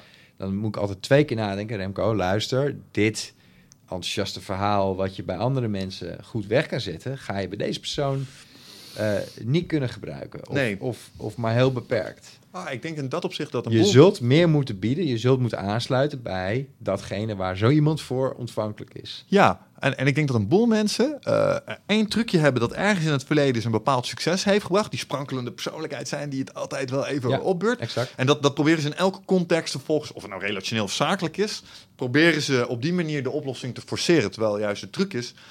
En ik was, ik was ook zo, hè. ik ben ook een eh, eh, redelijk voorwaarts, eh, redelijk direct. En ik heb het zelf moeten zien op een video om te geloven wat er gebeurt met mensen om je heen als de mismatcher is. Het was een training en toen werd, er, werd ik samen met een collega in een situatie gebracht. Het was gewoon een rollenspel, maar met de camera op onze kop. En, en, als je dan je gebruikelijke kunstje gaat doen, maar je hebt iemand naast je zitten die iets analytischer, meer een arch- architecturele achtergrond heeft, dus iets meer, meer in zijn hoofd zit, goed wil nadenken over dingen. Die persoon komt, als jij dan je kunstje gaat zitten doen, ineens helemaal niet tot zijn recht, terwijl de oplossing voor dat specifieke geval lag bij hem. Ja, Dus dan, dan zie je er iemand helemaal... helemaal onder. En dat moet je een keer gezien hebben. Ja. Omdat je je eigenlijk je, je geëikte trucje, zeg maar, je Ja. kan eh, je links-rechts eh, low kick en daar heb je een paar Ja. potjes mee gewonnen. Dus die blijf je tot in de eeuwigheid doen. En ik denk dat de belangrijkste les was om te leren differentiëren in strategie afhankelijk van de mensen met Ja. wie je op dat moment te Ja, maken je moet hebt. gewoon weten wie er in de kamer zitten en, Dat- wie, en wie, wie je mee moet krijgen inderdaad. En, en vaak ook de mensen die dan wat stiller zijn. Mhm. Ja, die vinden er al lang iets van, maar die heb je niet betrokken. Ja, hoe fix jij dat? Hoe betrek jij die mensen? Eh, nou, wel, wel kijken van wat is belangrijk eh, voor je. Gewoon, Mhm. gewoon vragen, uitvragen van wat vind jij belangrijk? Wat, wat, wat denk jij dat er nodig is? Eh, eigenlijk, eigenlijk proberen, hè, dus voor mij zijn de, de, de wat stillere mensen ook wat lastiger. Hè, Dus de Mhm. wat meer, eh, ja, hoe noem je dat? Eh, Niet expressief, maar introvert. Hè, de wat introvertere. Die, dat, dat, daar word ik, ook, word ik dan ook wat eh, nerveuzer van. denk ik, oh ja, shit, die kan ik dus niet peilen. Die zit op een heel, Stille wateren. ja, die zit op een heel andere, eh, andere frequentie. En misschien zijn er al 15 signalen over tafel gegaan die ik, eh, die ik niet heb opgevangen. Mhm. Ehm, wat zouden ze zijn geweest, weet je wel? Dus, dus op het moment dat ik dat denk, dan, dan, dan ga ik me dus volledig op zo iemand richten en gewoon alleen maar luisteren. Ja, Dat is eigenlijk het belangrijkste. Ja. Dat, je, dat je gaat luisteren en dat je laat zien dat je dus luistert. Of wil gaan luisteren, want ze denken, die jongen is alleen met zenden. Ja, dat is grappig. Dat is een van de keren die ik me nog, de pijnlijkste keren die ik me kan herinneren, dat ik in de gaten had dat ik ze kwijt was en dat ze iets van me vonden. Is, toen was ik met een paar ontwikkelaars aan het praten over iets en die zeiden ook niet superveel. En toen was er één die zei op een gegeven moment, oké, ik ga je uitleggen waarom je ernaast zit. En die lui, die zijn dus allemaal IQ2, allemaal mensa materiaal, weet je wel. En van, oké, hier in de eerste minuut ging je gewoon al mis om tak, tak, tak, tak. Die, en die jongens die houden allemaal hun mond, maar op een gegeven moment je voelt het wel. Ja. Je hebt wel in de gaten van, eh, ik ben ze kwijt volgens mij. Ja. Snap je? Dat je? En dan voel je, dat is een van de weinige dat ik professioneel een beetje schaamrood zo op elkaar. En je bent maar, aan je blijft maar lullen. Je denkt, ik moet stoppen hiermee. En toen was iemand gelukkig zo geland om mij eruit te redden. Maar hoe is het afgelopen dan? Nou goed, ze hebben me vervolgens uitgelegd en ik snapte het. Eh, en de volgende keer dat ik in die Je nog een kans. Ik heb een kans, eh, ik heb een herkans Michel. Ja, zeker. Ja, de volgende keer dat ik daar stond... nou ja, ik hoorde dat laatste keer heel mooi. Big eyes, big ears. Dat probeer ik wel, want dat zenden, dat herken ik wel van de jongere Michel. Pap, dit is hoe we het doen. En dan had ik niet eens gevraagd wat er aan de hand was. wat misschien wel een goed idee Ja, is. dat had je zeker. Ja, ik bedoel, dat, eh, jij praat veel en snel dan. En eh, ik herken dat van je. Mhm. Maar ja, dat, dat, dat heb je in de loop der jaren ook wel wat... eh, ja, ik, ik heb daar wel wat groei gezien. Nou ja, in dat opzicht eh, heb je daar zelf natuurlijk ook aan bijgedragen. Omdat eh, nou, we krijgen nog wel eens wat feedback van eh, mensen over de podcast. Maar als, je je mailtjes, als je een mailtje aan het sturen bent, dan mag je er donder, dan kun je ervan uitgaan dat me dat inmiddels ook al wel gesouffleerd is door Remco. want ik krijg veel feedback over hoe we dingen doen. En vooral in het begin, als het gaat om interviewtechniek. Ja, dan hadden we nog wel wat metertjes te maken. Maar dat is wel verbeterd mede door mensen zoals jij, die gewoon durven je dat terug te koppelen. Ja, ja, je, je, je zit anders te luisteren. Maar dat neemt niet weg dat ik het ook heel erg leuk vind. En Mm. eh, nou ja, het is... En je moet ook niet, denk ik... eh, je bent wie je bent, hè? Hoe Wiggert, Wiggert zit er meer bij van... eh, nou ja, vanuit zijn eigen reis en zijn eigen spirituele en, en ondernemingsvisie. En jij bent wat meer hem van het lijf afvragend. En, en, en wat meer daarin. Ja, en toe. Ja, dat denk ik ook wel. Ja. Maar dat En is de mix als die je- hier als ook je twee werkt, mensen dus. hebt die, die, die het hem van het lijf, dat is ook niet echt lekker. Ik wil ook op een gegeven moment van jou horen dat je iets herkent en hoe jij dat dan plaatst in je, in je, in je eigen ervaringen. Ja, in plaats van dat je genadeloos wordt dol ondervraagd Ja. eh, over de kleinste details er van je specialisme. weggelopen tijdens een uitzending? Nee, nog nooit. Er is wel eens een keer iemand geweest, ik moet nou echt even roken, knip het er maar uit. Maar we mogen niet zeggen Ah, wie het is, want zijn vrouw eh, die mag niet weten dat hij ruikt. Oké. Nee, die had even een pauze nodig. Dus, eh, en eh, wat we ook wel een paar keer hebben meegemaakt, is dat mensen eh, aan het eind oprecht ehm, aangenaam verrast waren, misschien wel. Dat heb ik wel eens een keer meegemaakt. Dat ze, ehm, was jij daar nou bij hier? Nee, volgens mij niet. Met eh, Hans Klevers? Ja, ja, ja. Ja, hè? Ja, dat hij, eh, hij zei van, ja, waar ben ik, die, die, die zag echt denken van, waar ben ik hier nou eigenlijk terechtgekomen? En toen had hij van, maar we gaan het toch wel over eh, de wetenschap hebben en zo, hè? Ja, zeker. En die, zat, die dacht echt van, nou, hier komt echt geen gesprek van de grond straks. Dus ik heb hem zelfs even mijn mindmap laten zien, zo van, hier, ik heb vragen. Hij zei, ah, oké, oké, oké. Dat hij na de tijd nog heeft gezegd van, oké, ja, dit was wel En een leuk is gesprek. voor hol. Ja, nou, dat, dat, ja, ja. Dus dat is zeker wel eens gebeurd, ja. Ja, ja dat was wel grappig. Nee, en als je ze dan toch nog eh, aangenaam weet te verrassen, dan is dat altijd wel, Ja, ja, dat is wel leuk. Dus dat klopt. Leuk. Maar dat heeft wel te maken alles met ook een stukje voorbereiding hoor. Eh, Google is je vriend in dat opzicht. Ja, dingen opschrijven-. De juiste termen opschrijven doet wel een boel. Dus, eh, Ja, je moet ze denk ik een paar keer, eh, ja, je moet een paar keer iets noemen wat, eh, waar het lampje aangaat, denk ik. ja, dat denk ik ook. Dus, eh, maar echt eh, weggelopen? Nee. Nee, wel mensen die... eh, dat vind ik ook wel heel grappig om te merken. Soms zijn mensen zenuwachtig. Ja. Ja, Dat is, eh, ja, ja, ja, maar had jij zenuwen hiervoor? Nou, nee, maar Ja, ja, dat is een beetje... Je kent mij natuurlijk. Ik weet het niet, ja. Maar dat vond ik wel... eh, eh, ik weet niet, echt was het ook wel een beetje vlijend. Zo van, oh, oh. En, en tegelijkertijd van... Nee man, doe normaal. Wij zijn gewoon... eh, ik ben Michel. Hoezo Ja, ben je dus- zenuwachtig om... dat is Wigert, gewoon ook een hele leuke dude. Waarom ben je hier bang voor? je begint natuurlijk als jonge honden voor het eerst dit te doen. Van wat de fuck gaan we eigenlijk doen? En ja, dan ben je natuurlijk zelf best wel nerveus, lijkt me. En dat gaat dan op een gegeven moment, draait dat dus om. Ja. Is dat eigenlijk wat er gebeurt? Dat mensen bij je komen, dat, dat jullie ineens de... Mm, wat ik bij mezelf merk is dat ik ehm, vind het heel leuk om te praten en de kennis die ik heb te etaleren, maar de, de behoefte om echt een rol. ehm, in die eerste afleveringen wilden we heel graag Joe Rogan spelen. En wilden we heel graag onze momentjes, die Ja, we zelf dik waren. Ja, ja, nee, natuurlijk. En dat snap ik ook wel. Ergens ook tenenkrommend ergens achteraf. Maar tegelijkertijd eh, nodig om verder te komen. En goed genoeg blijkbaar om er toch iets van, van te bouwen. Ja, Ehm, maar dat is wel wat we met name zelf heel erg aan het begin. We hadden, voordat we de eerste 10 podcasts hadden opgenomen, hadden we al 25 soundbites bedacht die we ooit een keer wilden droppen, zeg maar. Omdat dat. Ja, dat was dan. dat- lijstjes, het bingo van... ja, ja, ja, ja. Dat was dan het ding eh, wat we elders ook hadden Weet je gezien. nog één of niet? Ja, de, de- eh, elke kans die we hadden om over DMT te praten, Oh, natuurlijk. ja, ja. eh, dat soort dingen. Ehm, joh, de, de, de, ja. ehm nou, Wigert heeft natuurlijk eh, zijn- eigen avonturen eh, waar we veel over horen. Eh, ik heb mijn eigen deformaties die we de te pas en te onpas in probeerden te fietsen. En dat is volgens mij wel iets minder geworden. En dat vind ik op zich ook wel geinig. En ja, dat betekent dat er ook meer ruimte komt voor de gast. Ja. Ja. Maar dat, dat merk ik wel ten opzichte Ja, van... je, je wil ook iets neerzetten en dan denk je toch ook wel over na, weet je wel. Het is natuurlijk niet, Sure. het is niet alleen maar van, joh, wil je onze studio gebruiken voor je eigen verhaal? Dat, ja, Nee, nou, ik, ik blijf erin zitten zoals eh, Bas Kodde ons dat ooit aan het verstand heeft gebracht. Van, joh, je, hebt hier, je moet snappen dat je een leerfabriek hebt gemaakt voor jezelf. Je gaat twee, twee keer per week gewoon naar college. En eh, dat is een hele unieke kans die je hebt. En zo probeer ik het elke keer ook nog te benaderen. Van, joh, eh, er zit hier iemand en die weet iets heel specifieks. Wat zou je eigenlijk echt van hem willen weten? Uh, en uh, op het moment dat we uh, dat soort podcasts echt maken, dan, um, dan loop je ook altijd, en, en het lukt, dan loop je, die luister ik zelf soms ook twee, drie keer terug. Omdat in het gesprek zelf, ben je, de, de, je slaat het niet op. Nee, je kunt niet en leren en uitvragen. En, uh, en nou, exact dat. Maar er zit, uh, uh, je zet het voor jezelf klaar, zodat je het later weer in een behapbaar format kan terugluisteren. En dat gebeurt nog regelmatig, dat ik eigen podcast zit terug te luisteren. En dat ik na aanpassingen ga maken in mijn sheets voor mijn trainingen bijvoorbeeld. Omdat ik er weer iets, ja, iets in geleerd heb waarvan ik, oké, okay, ja, dit heeft waarde. Laatste bijvoorbeeld, die heel prominent was daarin, was Mark Tichelaar. Ja, dat vond ik... Multitask versus task switch die heb, versus de die heb ik twee keer geluisterd, ja. omdat ik dacht... Nou, eerst, eerst had ik een... denk van, nou, wie is dit? En ik ken hem niet en ik vond hem niet zo leuk klinken. Maar op een gegeven moment dacht ik, ja, hij, hij debiteert wel gewoon ontzettend veel. Er komen heel veel interessante dingen uit. En toen Mhm. heb ik hem nog een keer aangezet.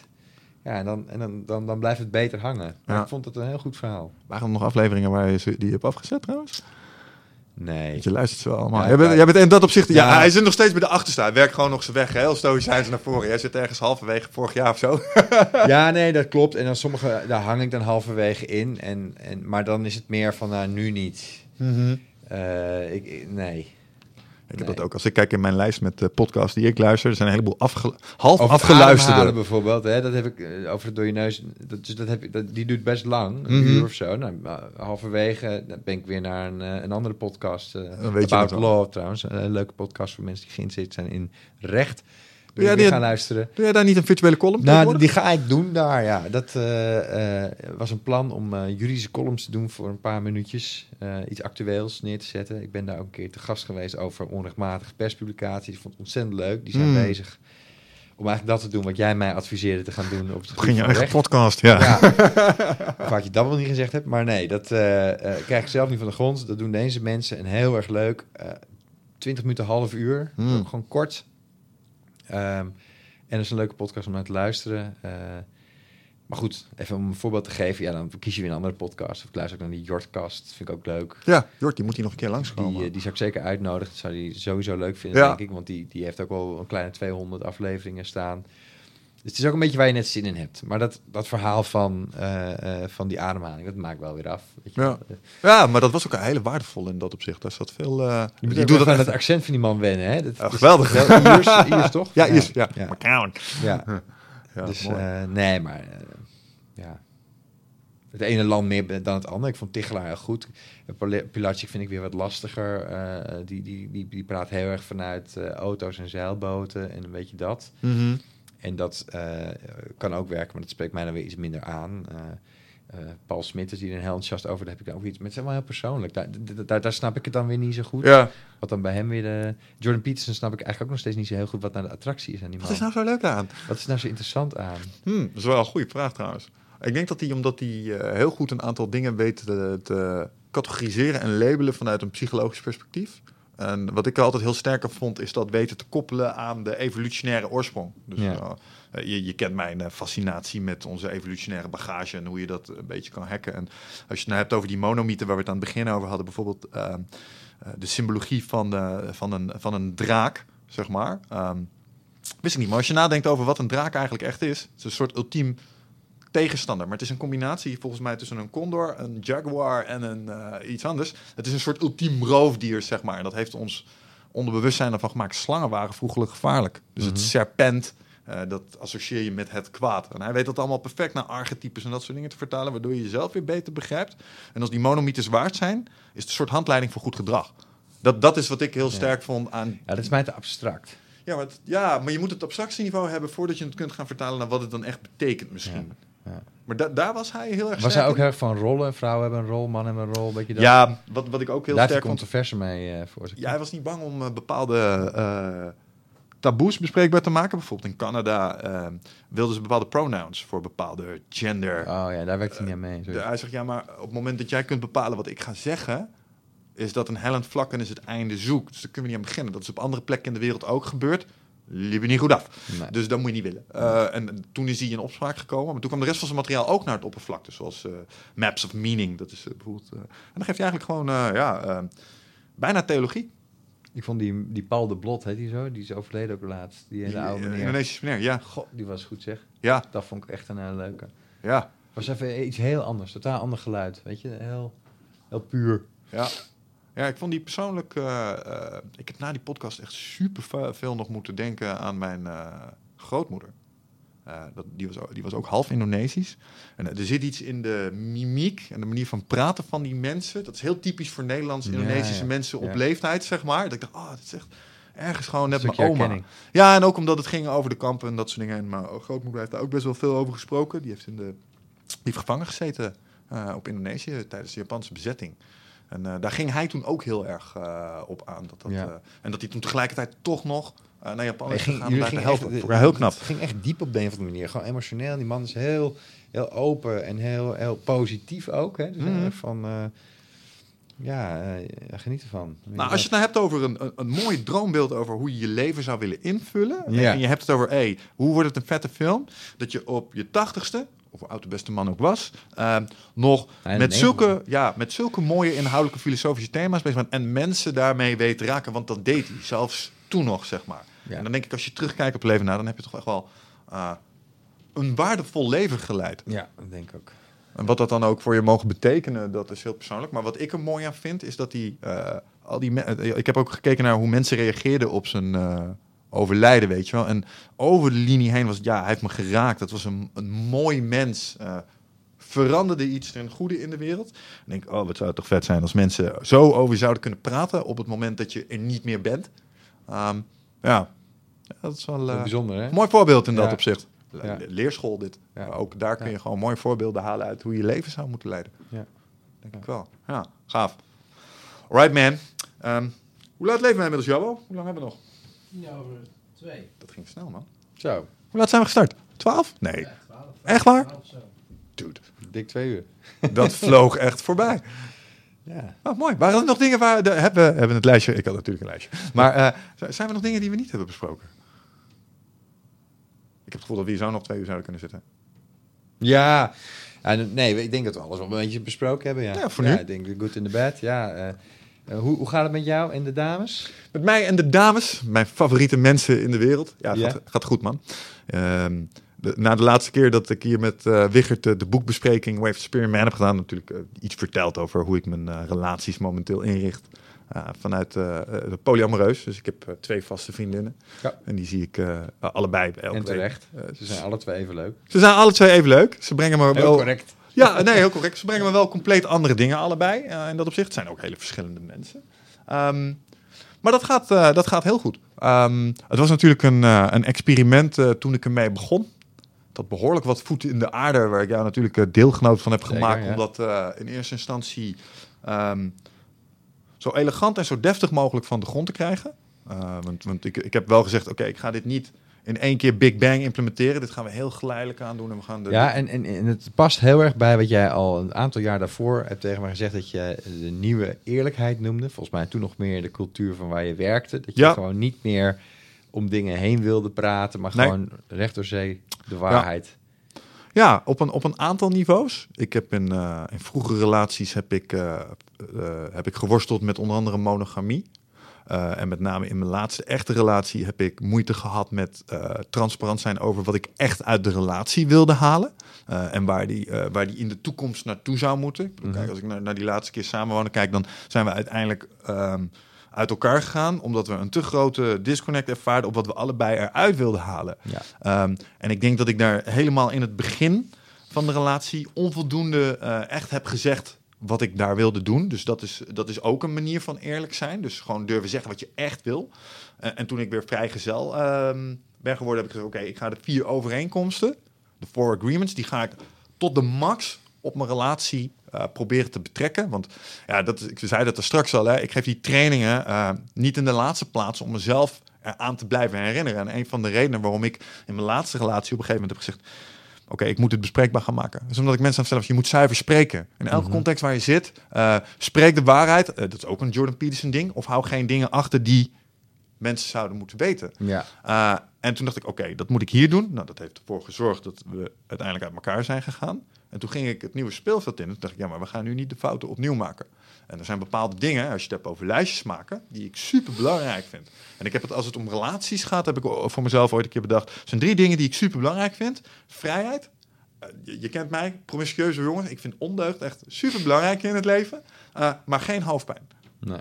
Uh, en dat zijn de drie dingen. En, en toen en ben dat ik. hoort vaak bij. Het derde hoort vaak bij het tweede. Die gaan, uh, ja, maar dat is dus niet uh, noodzakelijk. Dat, dat is niet gezegd. En ik ben heel blij met um, waar we nu staan als het gaat om uh, ieder zijn eigen vrijheid.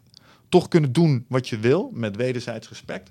Zonder dat dat voor drama zorgt. Uh, omdat mensen zeggen, ja, maar dat was niet de bedoeling. Of hey, dit is toch eigenlijk veel te moeilijk voor me. Um, dat is gewoon best wel stabiel. En natuurlijk is er wel eens wat te schaften. Maar je moet wel veel communiceren, denk ik. Ja, dat is, uh, begin niet aan polyamorie als je niet van praten houdt. Um, want dat zul je zeker moeten doen. Ja. Uh, vooral aan het begin. Iedereen heeft zijn eigen onzekerheden. Daar moet je wel... Um, ik denk dat dat het mooiste eraan is. Je, je komt er niet mee weg door onze, uh, onzekerheden onuitgesproken te laten. En denk, ah, komt wel. Want het, manifesteert zich in deze pressure cooker des te sneller en des te heftiger. Dus je leert heel erg van tevoren duidelijk open te zijn.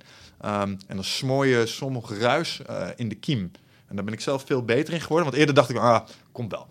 Nu niet, later. Maar is, is dan, zeg maar, voor, voor je uh, relaties... is het dan een uh, dulden of een gunnen? Wat jij, wat jij met ze afspreekt? Dulden in de zin van? In de zin van, nou ja, ik, ik, ik duld maar gewoon dat Michel zo is en dit doet. Of ik vind het fijn dat Michel kan doen wat hij doet.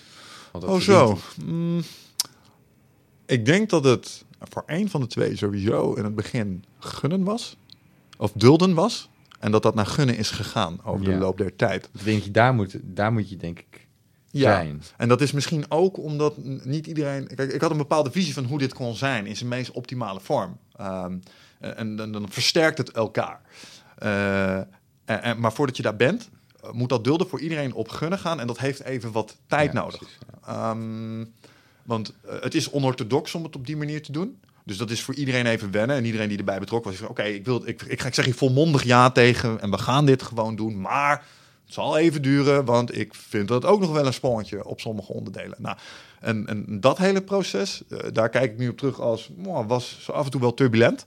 Mhm. Mm -hmm. um, maar een heleboel dingen in geleerd. En, en als, je, als het niet daar zo turbulent was geweest, dan hadden we het op latere momenten wel in een veel filijnere vorm waren we het weer terechtgekomen. Maar het is nu bloot. De heel meeste stinkende wonden. Is een ja, strategie ja. die ik ben gaan hanteren. En anders was het een. Uh, exact. En ik, ik kunstbeen. denk. Ja, en ik denk dat dat een van de belangrijkste lessen die ik in termen van relatie uh, hier wel uit mee heb genomen, is dat die, die, die nieuwe eerlijkheid, brute eerlijkheid is dat geworden. Niet met als doel om te kwetsen, want je kunt ook eerlijk zijn. En dan weet je dat je eerlijk bent. En met die eerlijkheid kun je vervolgens gaan slaan. Mm Mhm. -hmm. Dan ben je van, nou, dan ben je, noem dat het black knighten. Weet je, wel? je weet dat je de moral high ground hebt. Dus je bent eigenlijk de witte ridder, maar dan ga je dan misbruiken om iemand in een hoekje te duwen. Dat is black knighting, vind ik. Dus dat, daar moet je voor oppassen.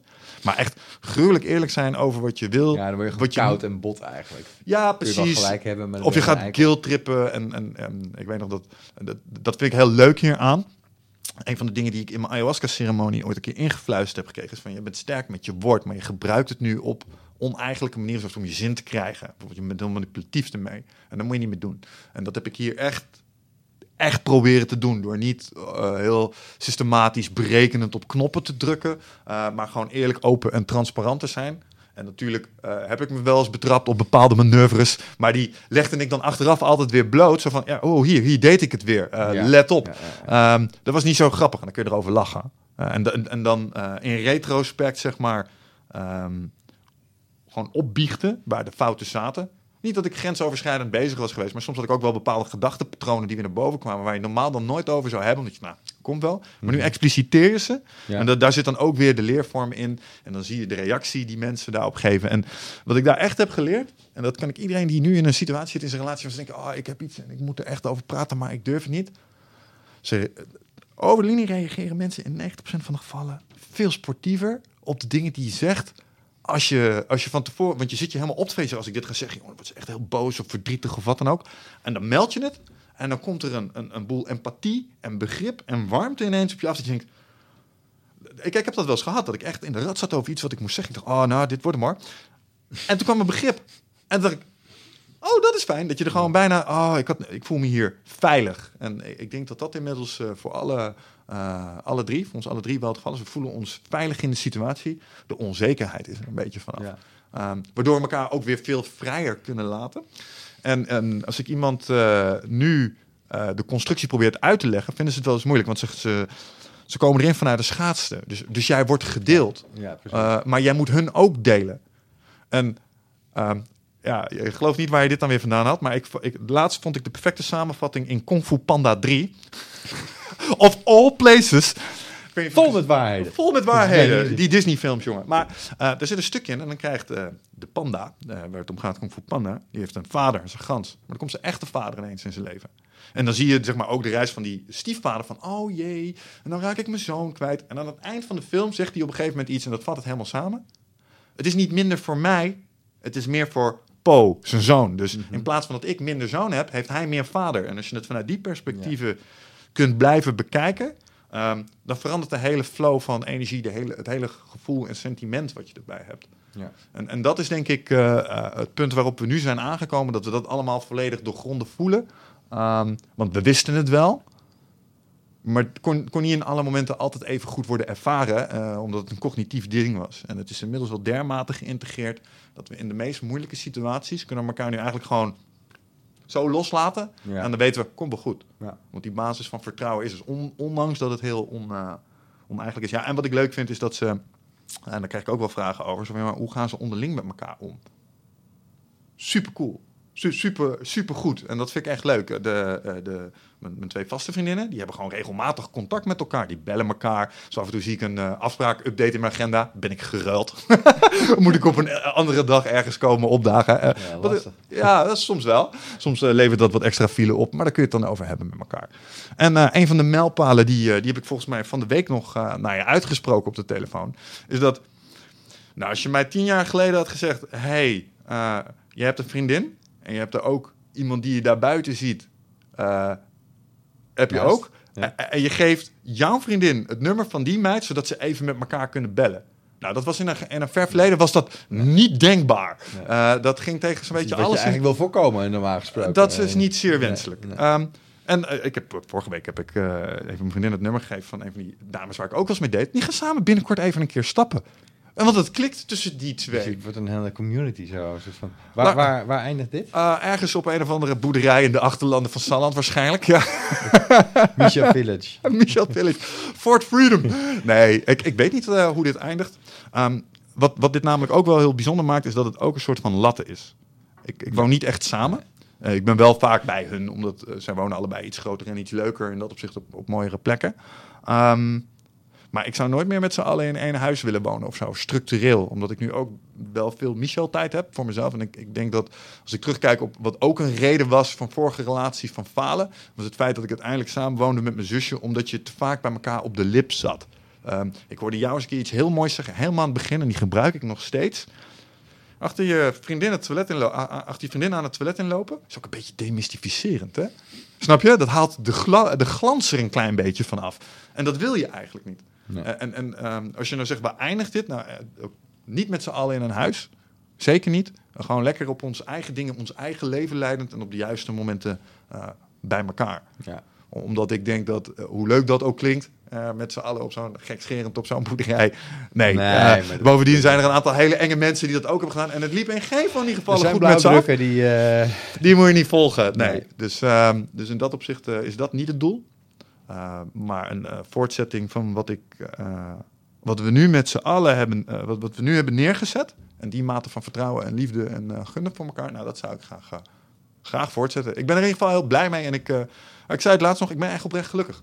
Ja. Ik, ik, voel me echt, ik zit lekker in mijn vel. Als ik, daarover, als ik daarop reflecteer, dan ben ik blij. En, ja. en, en dat is ook een stukje waar we het aan het begin over hadden. Lifecrafting, in de zin van je kunt je leven inrichten zoals je wil.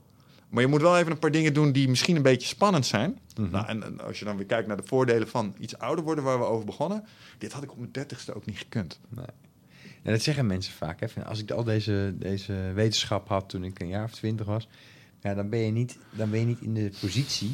Dan had, iemand- had je het kunnen lezen in een boek, maar... Ja, en, en je had het niet geleefd. En, en maar maar de, de geëikte fantasie is natuurlijk, en die heeft iedereen wel eens gehad, denk ik, eh, dat je weer wakker wordt en je bent weer 15 en je denkt, the fuck, wat ben ik dan? Je bent in je oude ouderlijk huis en je weet alles ja, nog maar wat je dan, nu weet. je weer, dan, dan kom je weer een beetje met eh, het begin van het gesprek van, eh, ja, we zijn nu 40 plus. Want ik ben blij dat ik hier ben, echt. Ik ben Sure. heel blij dat, dat er nu, eh, nou ja, dat, dat, je, dat je inmiddels zaken kan overzien. Dat je dingen, hè, dat je niet meer de speelbal bent van dat wat op je afkomt in de tienerjaren. Maar dat je, nou ja, je, je bent een persoon geworden. Ja, nou, er- wij zijn een ja. En vooral mijn relatie met issues waar ik in het verleden tegenaan liep, ehm, heb ik mede ook door wat ik nu doe met die relaties bijvoorbeeld beter kunnen adresseren. Maar ik was er nu ook een soort van klaar voor. De reden dat ik bijvoorbeeld de Stoics ben gaan doen, is omdat hey, in die pressure cooker die, die zeg maar die relatie neerzet is, liep ik aan tegen mijn, nou, ik kan een kort lontje hebben. En ik kan, als, je me voor de voeten loopt, dan kan ik me op een bepaalde manier manifesteren. Daar wordt niemand echt super blij van. Ik heb een keer een imitatie gezien die jij deed over mij toen we niet snel genoeg werden geholpen in een restaurant. En die is me nog steeds bijgebleven. Ik denk, ben ik echt zo? Ik ben echt zo. En daar moet ik iets mee. En, en ik, ik was er nu, eh, ook mede door de podcast en de mensen die ik heb gesproken hier, was ik er mentaal klaar voor om dat te kunnen doen. Om, open te staan voor wat die stoot. Want nu had ik de referentiekaders en had ik de voorbeelden die ze aan, die kon ik plaatsen in mijn eigen bestaan. Ik van ja, Ja. daar ging het mis en daar ging het mis. En dat kon ik eerst niet. Dus ik denk dat dat wel eh, heel erg ge- geholpen heeft. Ja, en het is leuk om aan dat soort dingen te werken. Want ik zie me nu zelf door situaties heen slaan. Waar ik eh, vroeger misschien wel gillend gek was geworden. Want, want iedereen denkt, twee vriendinnen, dat is echt superleuk. Ja, dat is het ook. Ehm, maar er zitten ook nadelen aan. Want jij hebt wel eens ruzie met je vriendin. Toch? Heb je een vervelende dag. Ja. Ik heb ook wel eens ruzie met mijn vriendin. En dan heb ik tegelijkertijd ook ruzie met de andere vriendin. En dan heb je een apart soort stress, snap je? Dus, en, en als je daar dan jezelf eh, door de dingen die je hebt geleerd toe te passen, ontkoppelen, gewoon terug naar... Je kunt toch een beetje samenspannen dan? Een soort van... eh, Nee, zo werkt dat. Ja, het wordt wel samengespannen tegen mij over het algemeen. Ja.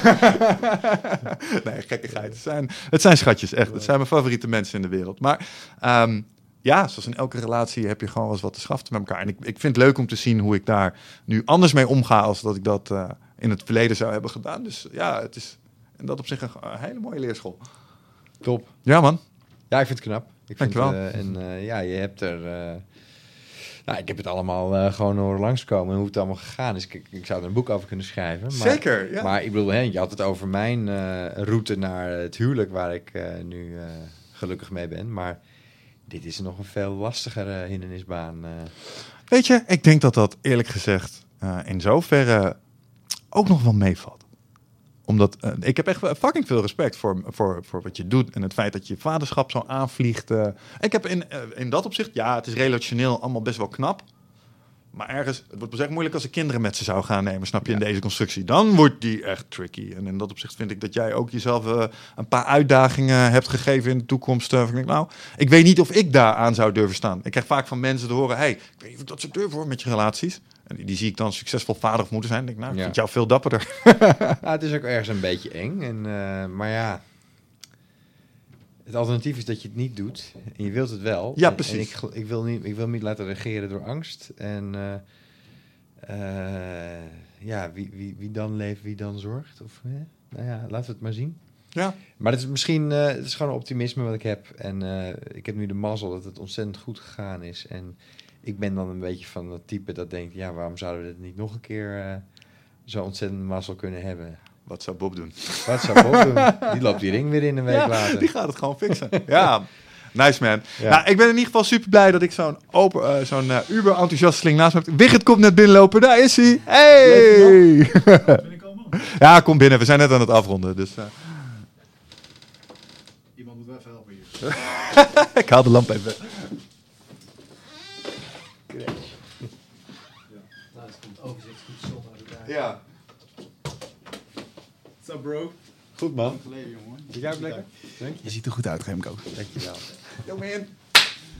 Alles goed. We waren net eh, nogmaals eh, er een eind aan het breien. Twee uur zijn weer voorbij gevlogen. Maar nogmaals, ik ben super blij dat ik zo'n uh, zo'n uber-enthousiaste gast naast me heb om daar gezamenlijk mee op te trekken. dat heeft mij op een aantal momenten ook echt wel nou, uit het slop getrokken als ik er zelf even door zat. Dus daarvoor in ieder geval super bedankt. En we gaan dit nog een keertje overdoen wat mij betreft.